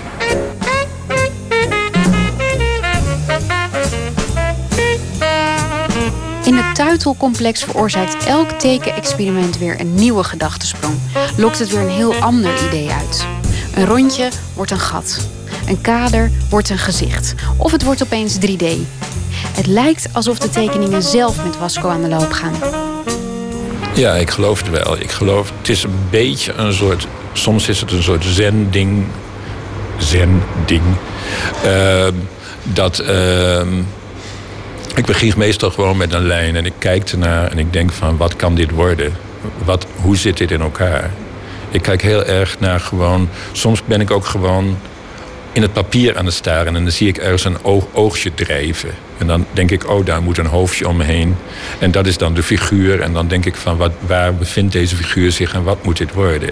Het is echt een heel raar ding, maar ik, soms zoek ik echt gewoon in het papier naar uh, waar, waar het naartoe gaat bij die verhaaltjes lijkt dat ook een beetje zo. Alsof je begint bij plaatje 1 en dan dat je wel ziet waar het schip strandt. Nou, dat is absoluut waar. Uh, ik heb uh, een redelijk groot uh, zelfvertrouwen. En ik kan eigenlijk altijd gewoon beginnen. Kijk, een figuur staat op de hoek van de straat, heeft de handen in de zakken. Wat zal ik eens gaan doen? Die gaat een beetje rondlopen. Er ligt een dode vis op de straat. Hij denkt, hmm, daar heb ik wel zin in. Maar die vis is hartstikke rot, dus hij wordt ziek en weet ik veel. En vanzelf heb je een verhaal. Er is niks nodig. En omdat tekenen heel langzaam is... dus als je zeg maar pagina 1 hebt getekend... ben je je hoofd bij pagina 10. En als je dan vier pagina's hebt getekend... weet je ongeveer wel waar het einde is. En ja, dan moet je nog een beetje teksten schrijven en nog een beetje dingen doen. Maar dan kom je er wel uit. Ja, ik geloof daarin, in het uh, improviseren. Ik ben gewoon eigenlijk al door een improviserende artiest. En als dat zo is, dan is tekenen eigenlijk een beetje hetzelfde als optreden, denkt hij. Zo werkt hij in ieder geval wel. Tekenen, ik bedoel, je kan wel uh, met tekenen je kan wel uitgummen, je kan wel witten, je kan wel uh, dingen opnieuw doen. Maar dan ben je langer bezig. En zo is het ook met zingen en, en optreden en al dat soort dingen. Als je gewoon goed kunt zingen, dan ga je niet de studio in en nog een keer doen. Je doet het in één keer goed. Dat is volgens mij de idee. En ik, ik wil ook graag dat alles in één keer goed gaat. Soms gaat dat niet, dan doe je wel iets over. Maar daar gaat het om. Van je, je, je moet gewoon in één keer de lijn op het papier zetten en die moet het dan zijn. En dat moet het gewoon worden. En ik hou ook erg van uh, falen. Ik hou er zitten ook wel dingen in dat boek die gewoon niet zo goed zijn. Ik, ik vind ook niet dat alles uh, het beste moet zijn. Ik vind dat je ook moet zien dat er misschien zwaktes zijn. Of dat er misschien dingen zijn die gewoon niet helemaal geworden zijn wat het moest zijn.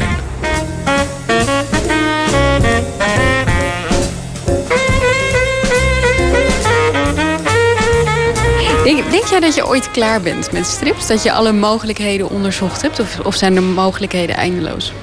Nee, ik denk het niet. Ik heb, wel vaak, ik heb dus heel vaak gedacht van nu heb ik het uitgevonden, nu weet ik het. En dan denk ik een week later weer van ja, maar er is nog helemaal niets gedaan. Soms denk je met het medium van alles is op. Iedereen heeft alles gedaan, dit hoeft nu echt niet meer. Bijvoorbeeld van die krantenstripjes die in de parool staan, et cetera. Daar denk ik echt van, dat hoeft niet meer. Dat is helemaal op. Al die mopjes zijn gewoon al gedaan. Ieder mopje is gewoon hetzelfde mopje opnieuw met andere figuren of in een andere context. Denk ik wel van dat medium is op. Maar ja, aan de ene kant, aan de andere kant, sommige van die stripjes die ik nu gemaakt heb, zijn ook stripjes. Dus in dat opzicht is het helemaal niet op. Dus nee, ik geloof niet dat het uh, opraakt.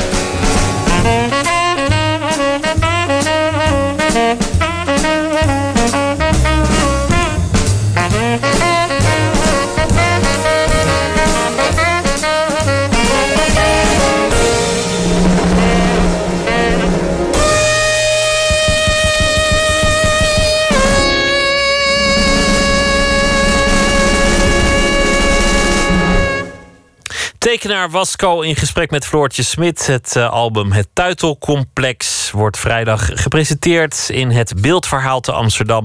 En daar zal dan ook een kleine expositie zijn van zijn werk. Ze komen uit Canada, de band The Franklin Electric. Het nieuwe album heet This Is How I Let You Down en het nummer heet Running.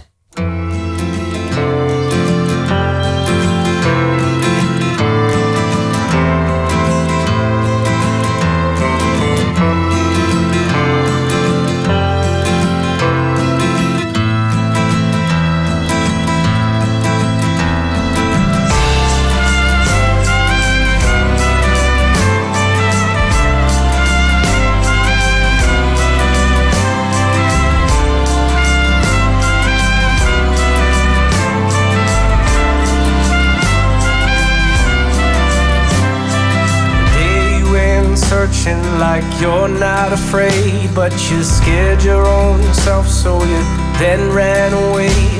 And fear got the best of you, cannot escape. When doubt's everlasting, your infinite friend. You turned and you frowned and you'd spit in his face. Now you wonder why as the ground splits away. Yeah, it's hard to admit that you've been a disgrace. Merciless game in this forsaken place. Spent all your time losing, now you sit alone. Can't forget, can't explain, can't calculate as you try to remember with memory lost the feelings embedded inside.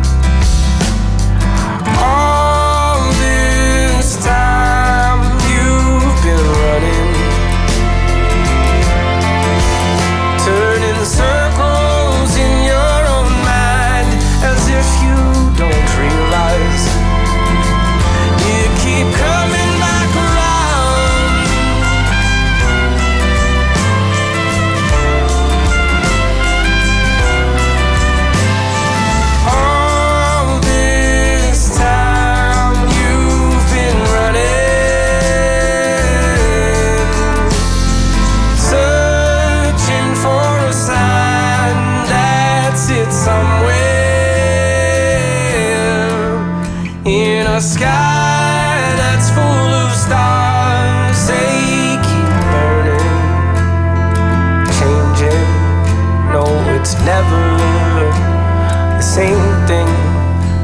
your evening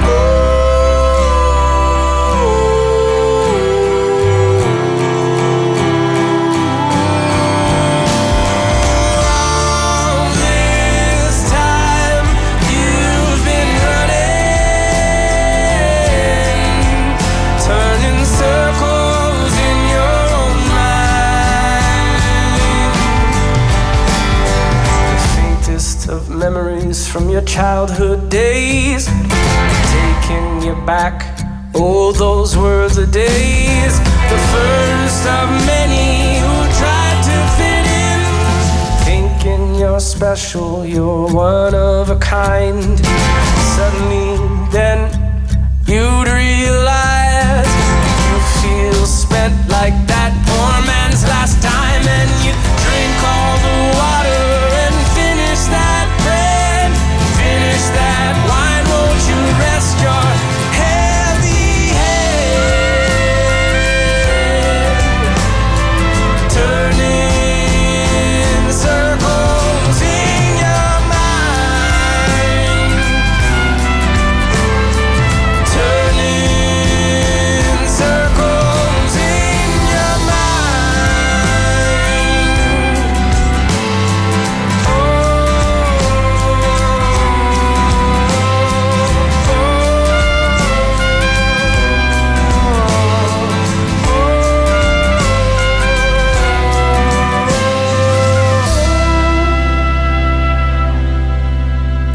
Running van de Canadese band The Franklin Electric.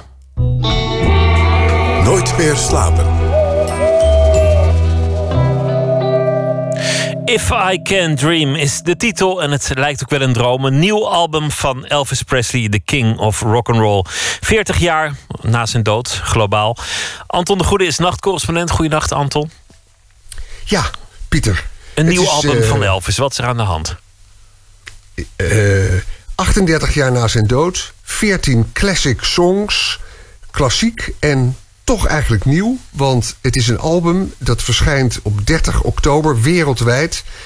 Ehm, op internet circuleren daar eh, al nummers van. En wat is het geval?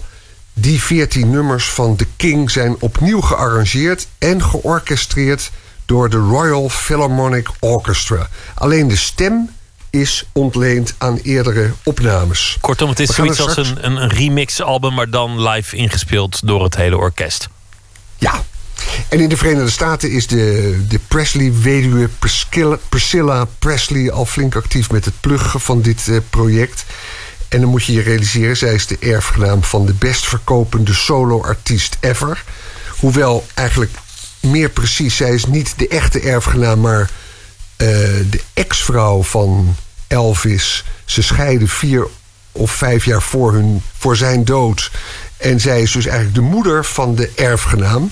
Zij beheert die nalatenschap, maar dat doet ze op een hele vakkundige manier. En eh, ze zal daar eh, heel veel geld voor mee verdienen. En je kan dus ook zeggen dat dit wel een zakelijke belangstelling heeft, de achtergrond van deze orchestratie. Maar het klinkt ook wel heel erg goed. Ehm, laten we eerst luisteren naar hoe Priscilla eh, de aandacht vraagt. Hier in een fragment van de Huffington Post. Als ze uitlegt dat ze helemaal in de geest van Elvis heeft gehandeld. I said I, I, I feel I'm being guided, really is what I said. I just feel I'm being guided because I knew him so well. I knew the things he wouldn't do. I knew the things that he loved. I knew the things that, uh, the artists that he, that he liked. Uh, I knew the music that he, he liked. And to take him into the future, this is just a stepping stone because I'd like to even take it further. But this is more, more uh, an introduction of what could be done and, and something that he would love to do. Al dus eh, de weduwe Priscilla. Ze zei, ik kende hem zo goed. En ik, ik weet precies wat hij mooi vond en wat hij niet mooi vond. En ik, ik weet ongeveer wat hij ervan zou vinden. Je zei al, ze heeft een belang om dat te vinden. Ik ben heel benieuwd, want het is altijd link hè, met postume opnames. Wat vinden de fans en de kenners? Ja, nou, ik heb er één gesproken, dat was John Schorl. En eh, die kennen we als verslaggever en journalist bij de Volkskrant. Publiceerde ook bundels met muziekverhalen. Eh, en hij maakte in 2008 een bundel samen met Kees het Hart. Wees niet vreed, don't be cruel. Helemaal geïnspireerd op Elvis Presley. En voor ons programma maakte hij vanavond de volgende recensie van dit nieuwe Elvis-album. Luister. Ja, ik vind het een, eh, een, een schitterend pro- project, omdat eh, de ehm, stem van Elvis en de strijkers, de voluntueuze strijkers, voor elkaar gemaakt zijn. Zijn liedjes krijgen daardoor nog meer accent, zijn stem krijgt daardoor nog veel meer accent. En ik heb nu begrepen dat het om 14 liedjes staat. En die zijn opgenomen, dus met zijn stem. Zijn stem hebben ze meegenomen naar Engeland, naar de Abbey Road Studio. de, de oude Apple Records studio. En daar is, heeft het orkest gespeeld met de stem. En daar is er uiteindelijk een geheel van gemaakt. Dat is natuurlijk allemaal prachtig. Ook drie hele duidelijke nadelen. Is dat ze dan toch altijd nodig vinden om nog een paar vreemde types aan toe te voegen.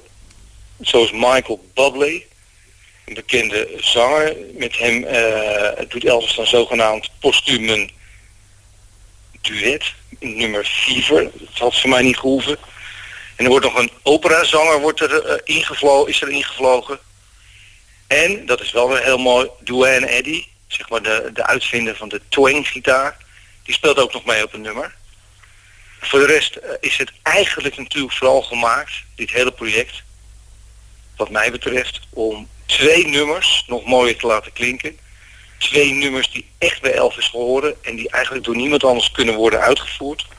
If I Can Dream, nummer dat hij in eh, 1968 heeft gezongen ter afsluiting van zijn comeback special.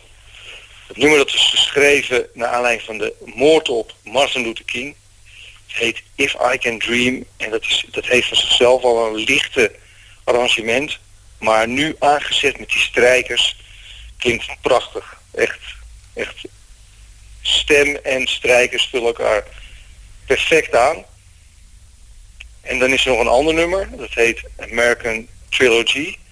Het is geschreven ooit door een Amerikaanse country zanger Mickey Newbury. En eh, dat nummer, dat eh, hoorde Priscilla ooit op de radio. Terwijl ze in de auto zat en reed over Sunset Boulevard. En ze hoorde dat nummer, toen dacht ze, wow, dit is wat voor L. En ze keerde haar auto om en ze reed naar, eh, naar hun huis toe in Hollywood.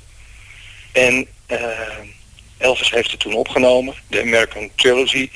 Het is ook bij al zijn live concerten teruggekeerd. Het is een heel bombastisch nummer waarin de geschiedenis van het zuiden van Amerika, Dixie, eh, naar voren komt. Waar het is echt een soort Southern Gothic, zou je bijna kunnen zeggen. En al die bombast, die komt nu in ene, in dit project, perfect eh, tot zijn volle glorie.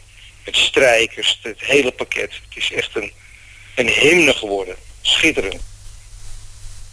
Al dus eh, John Schorl klinkt heel enthousiast. En hij is een, eh, een kenner van eh, Elvis Presley. Een echte fan, Anton. Hij is een fan en schreef, zoals ik al zei, ook poëzie geïnspireerd op Elvis. En eh, ik stel voor dat we voor zo, voordat we zo meteen het nummer gaan beluisteren, dat we even naar John Schorl luisteren en naar een gedicht geïnspireerd op Elvis. Er, er bestaat in Nederland een, een, een toch nog tamelijk onbekend, maar eigenlijk eh, eh, eh, reusachtig schitterend periodiek. Dat heet Almost in Elvis. Dat is van, de, van, Dennis van Tiel uit Utrecht. En die brengt eens in zoveel tijd een periodiek uit in, in, in met een prachtige vormgeving. En daarin daar hebben we een keer een, een special gehad over wapens. Elvis en de wapens. En daar heb ik een gedicht geschreven over wat mij betreft zijn belangrijkste wapen. En, dat is niet een Colt of een, eh, een, eh, een Beretta, maar zijn stem. Zijn belangrijkste wapen was zijn stem. Waarmee hij feilloos elk vijandelijk gebied veroverde. Totdat zijn stem zich tegen hem keerde. En hij alleen nog maar stemmen in zijn hoofd hoorde. Van zijn moedertje. Een gedicht van eh, John School, geïnspireerd op Elvis. Anton, dankjewel. En we gaan eh, luisteren naar eh, de nieuwe uitvoering van het nieuwe album van Elvis Presley, If I Can Dream.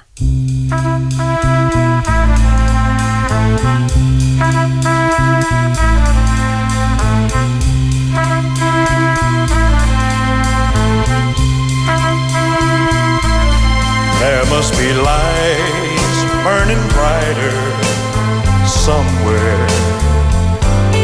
Got to be birds flying higher in a sky more blue. If I can dream of a better land where all my brothers walk hand in hand, tell me why. Oh, why? Oh, why can't my dream come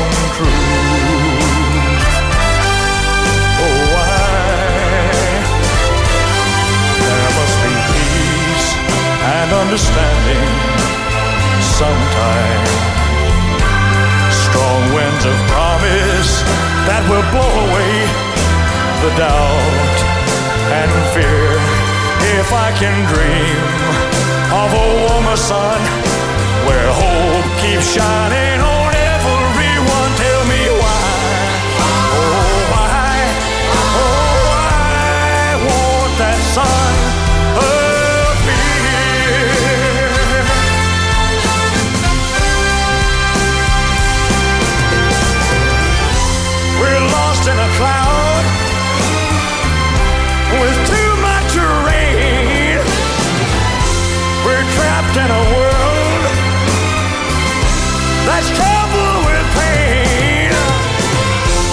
what is love?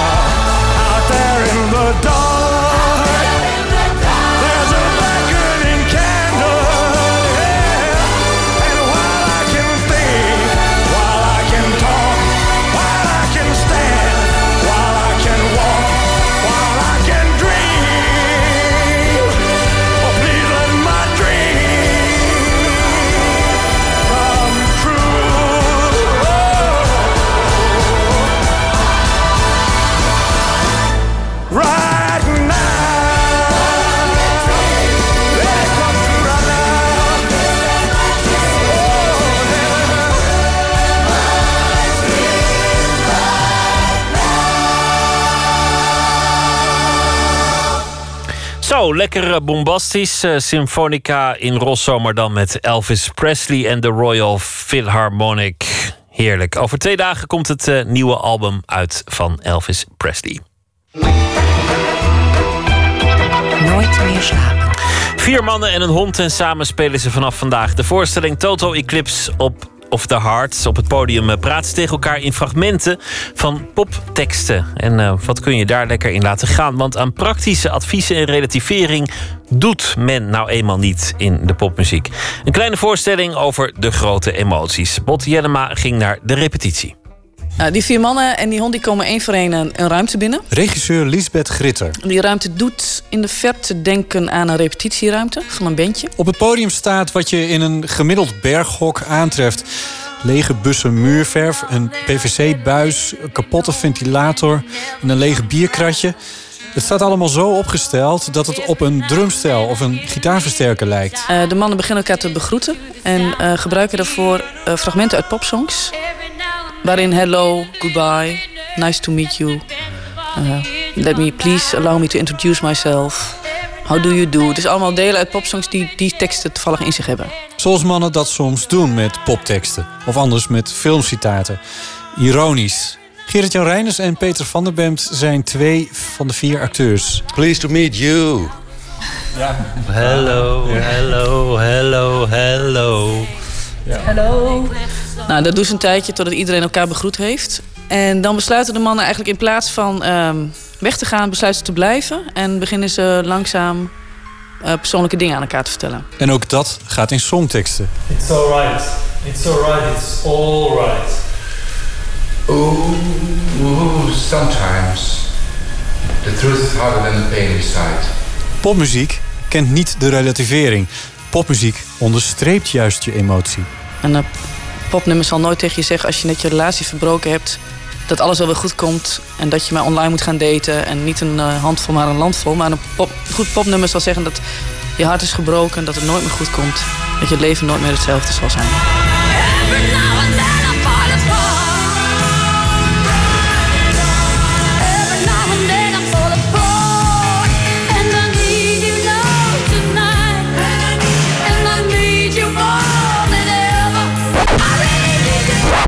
Drama. Het drama en het bevestigen van het gevoel. En eh, daarom is het fijn om popmuziek te gebruiken in deze voorstelling. Please forgive me. I know not what I do. Is there nothing we can do about it? Anyone?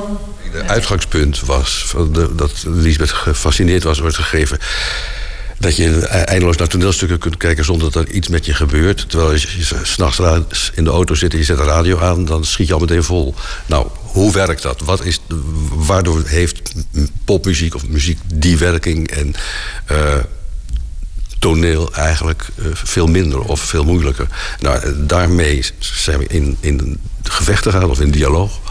Er zit bijna ook een verwijt aan het toneel in, hè?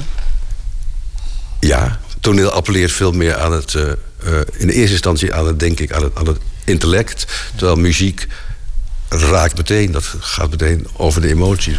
And I wait for you. I'm here to stay with you. And no matter what you do, when you're lonely, I'll be lonely too. If you need me, let me know. Gonna be around. If you got no place to go, if you're feeling down. Nou, nou had ik uh, begrepen, Gerrit-Jan, dat die popmuziek voor jou helemaal nieuw is. Nou, dat is niet helemaal waar. Alleen de laatste, het leek me al wat onwaarschijnlijk. De laatste jaren volg ik het allemaal niet zo. Uh, maar de meeste nummers herken ik dan toch nog wel. Ik zou niet weten vaak waarvan, maar het, het melodietje of een stuk tekst, die weet ik meestal nog wel. Want er was een, er was een interviewtje met jullie al verschenen ergens en er stond in dat het voor jou extra werken was om dit te... Nou ja, dat was een heel aardige manier om te zeggen dat ik eigenlijk niet kan zingen. dus wat dat betreft had hij wel gelijk. Het is voor mij heel erg veel extra werken. In de hoop dat het er nog enigszins acceptabel uitkomt. Maar nu ben ik heel erg verkouden, dus ik ben geëxcuseerd naar het publiek toe, vind ik. Ja, ja precies. Oh zo, oh, zo doe je dat dan. Ja, precies. Ja, ja, ja. Want, ja, je wist dat je zou gaan zingen als je al zo'n project... Lisbeth wist dat ik moest gaan zingen en dat ik dat niet kon. Dat had ik me verteld, maar ze wilde me toch per se het toneel opsleuren. Okay. Dus nou, dat heb ik gedaan. En wat vind je er nu van? Ik vind het heel erg leuk om daar te staan, met hond. met hond? En, is, is, het jouw hond? Of? Nee, nee, nee, het is, het is niet mijn hond. Maar in de voorstelling wel, ja. Oh, ja, ja, ja. Ben ik zijn baas. Ja. Want uh, ja, ik, ik, ik, probeer het zo goed mogelijk te volgen, maar heel vaak op het toneel sta je ook niet meer. Nee, de laatste keer was geloof ik twee jaar geleden. Ja. Bij het Dood Paard in ditzelfde pand. Um, want ik ben in, in principe ja, ben ik regisseur, ja, precies. theatermaker. Maar heel af en toe ga ik dan toch... Uh, trek ik de stoute schoenen maar weer aan. En ga ik dat toneel weer op. Ja. En dan ook meteen zingen. Had je dat eerder gedaan? Uh, ja, maar dat was heel lang geleden.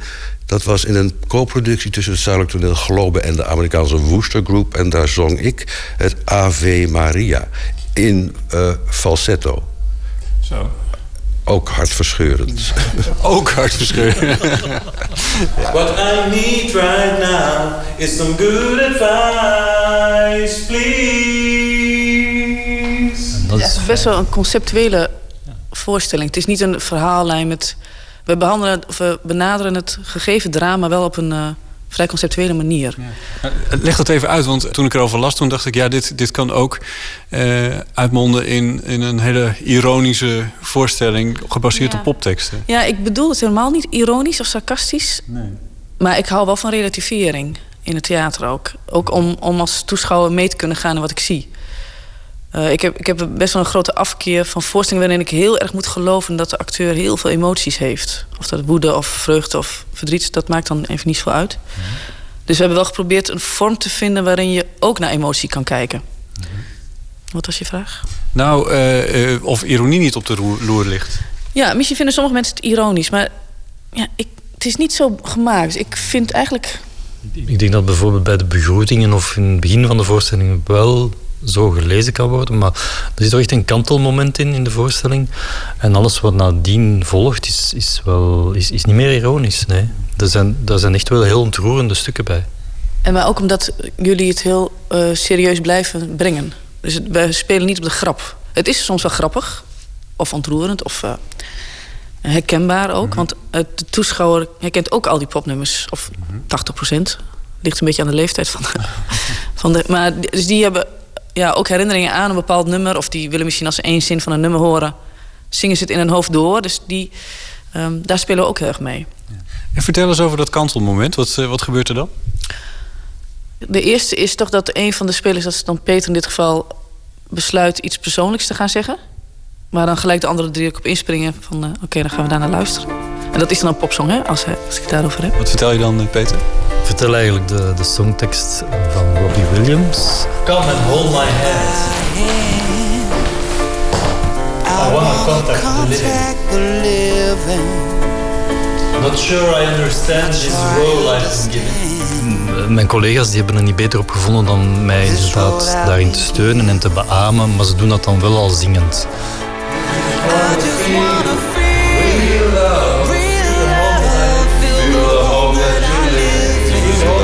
You live in. Je zit wel een mooie bas in jou volgens mij. Een hele mooie bas.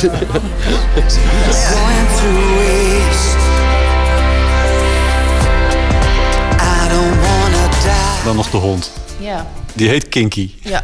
En ik had behoefte om naast al die emoties ook iets, een levend iets neer te zetten wat niet. Ja, mijn hond heeft natuurlijk wel emoties, maar wat niet. Wat vooral meer door instinct wordt ge- ge- gedreven. Speelt geen toneel, denk ik. Nou ja, misschien sommige honden wel, maar deze. Deze volgens mij niet. Nee. Nee, zij is gewoon. En zij, eh, zij reageert op een hele andere. Om een hele, om een op een hele andere manier dan de. Kijk, de acteurs kunnen een heel erg groot drama spelen. Ja, als de hond toch op dat moment eh, gaat liggen of zich omdraait en eh, gaat krabben. Ja, dat, dat zegt iets over elkaar. Dat zegt iets over zijn en doen alsof. En eh, dat vond ik in deze voorstelling heel. eh, Het is ook een totaal niet te controleren element. Tenminste, nou ja. Nee, niet te controleren element zou ik zeggen. Maar het ligt hier op een stoel en er Ja. gebeurt verder ook niet Nee, zoveel. ze doet niet, oh sorry, ze doet niet zoveel. Ik weet niet hoe ze zich gaat gedragen met eh, heel veel publiek. Oh ja. Eh, dat gaan we vanavond zien. en eh nou, ze zal heel rustig zijn hoor.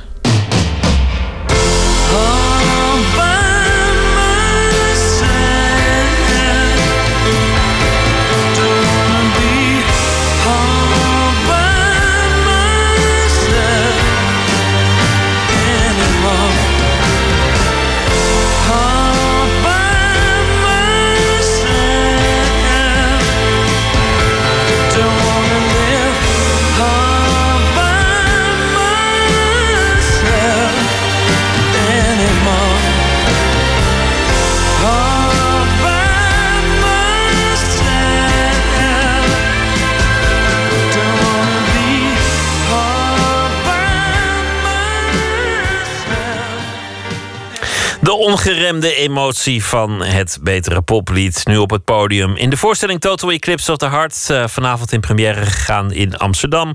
U hoorde regisseur Lisbeth Gritter en de acteurs Gerard-Jan Reinders en Peter van den Bemt. Tot en met komend weekend staat de voorstelling nog in Amsterdam. Daarna gaan ze op tournee door België. En volgend jaar komen er meer voorstellingen. Onder meer op het festival Oerol. Beach House is een eh, duo. Ze kwamen twee maanden geleden met een lovend ontvangen album, Depression Cherry.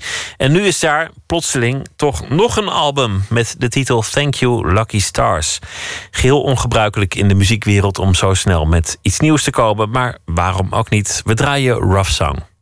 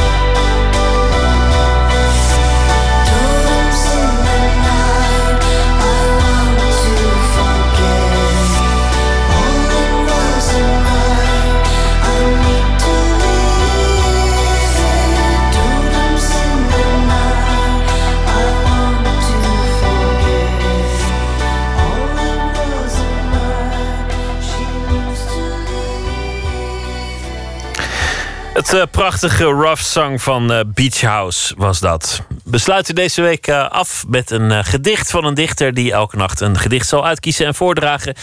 Deze week dichter en essayist Martin Rijns, 1981 gedebuteerd met de bundel Waar ze komt, daar is ze.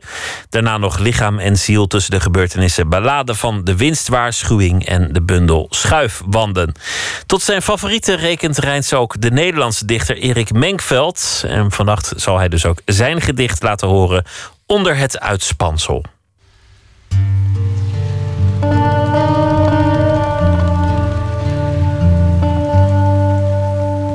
Erik Menkveld werd geboren in 1959. En ja, stom genoeg is hij vorig jaar overleden. Hij heeft uh, drie dichtbundels nagelaten. Een essaybundel en een roman. Hij was een, een heel bijzondere schrijver.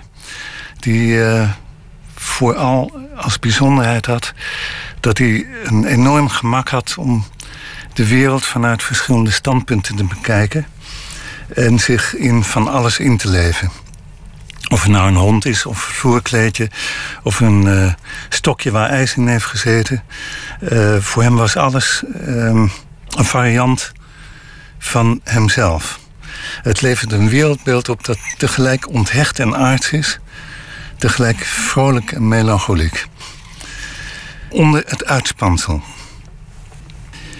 Onder het uitspansel bij paal 12, in de verlaten strandtent waar we zaten, slaan kort na elkaar twee diepvrieskisten aan. Menig stokje brengt zijn eerste nacht in zand door, of zijn laatste in bevroren ijs diverse smaken. Sommige benzine op het eiland wiegt nog na. Het merendeel staat blakstil in de motorrijtuigen, op erven, campings, wandelpaden.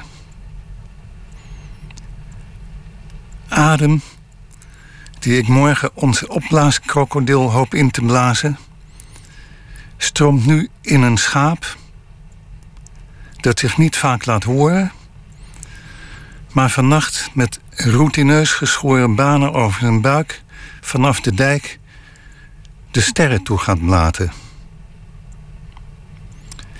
Heeft de mug die mij komt steken mij al in de gaten, boven de kamperfoelie, onder ons wagenwijd slaapkamerraam? Onder het uitspansel van Erik Menkveld, gelezen door dichter Martin Rijns. Morgen in Nooit meer slapen krijgen we bezoek van uh, singer-songwriter J.W. Roy. Hij begon zijn carrière met vier Engelstalige albums. In 2005 bracht hij een album uit in het Brabants. En toen leek dus de overstap naar het Nederlands definitief. Maar uh, zijn nieuwe plaat American Dry Goods and Groceries is terug waar het ooit begon. Engelstalige Americana. De straten zijn leeg, de dag is gaan liggen. De avond is haastig huiswaarts gegaan. Geluk is een voordeur die opent en sluit voor het andere leven. Als het werk is gedaan.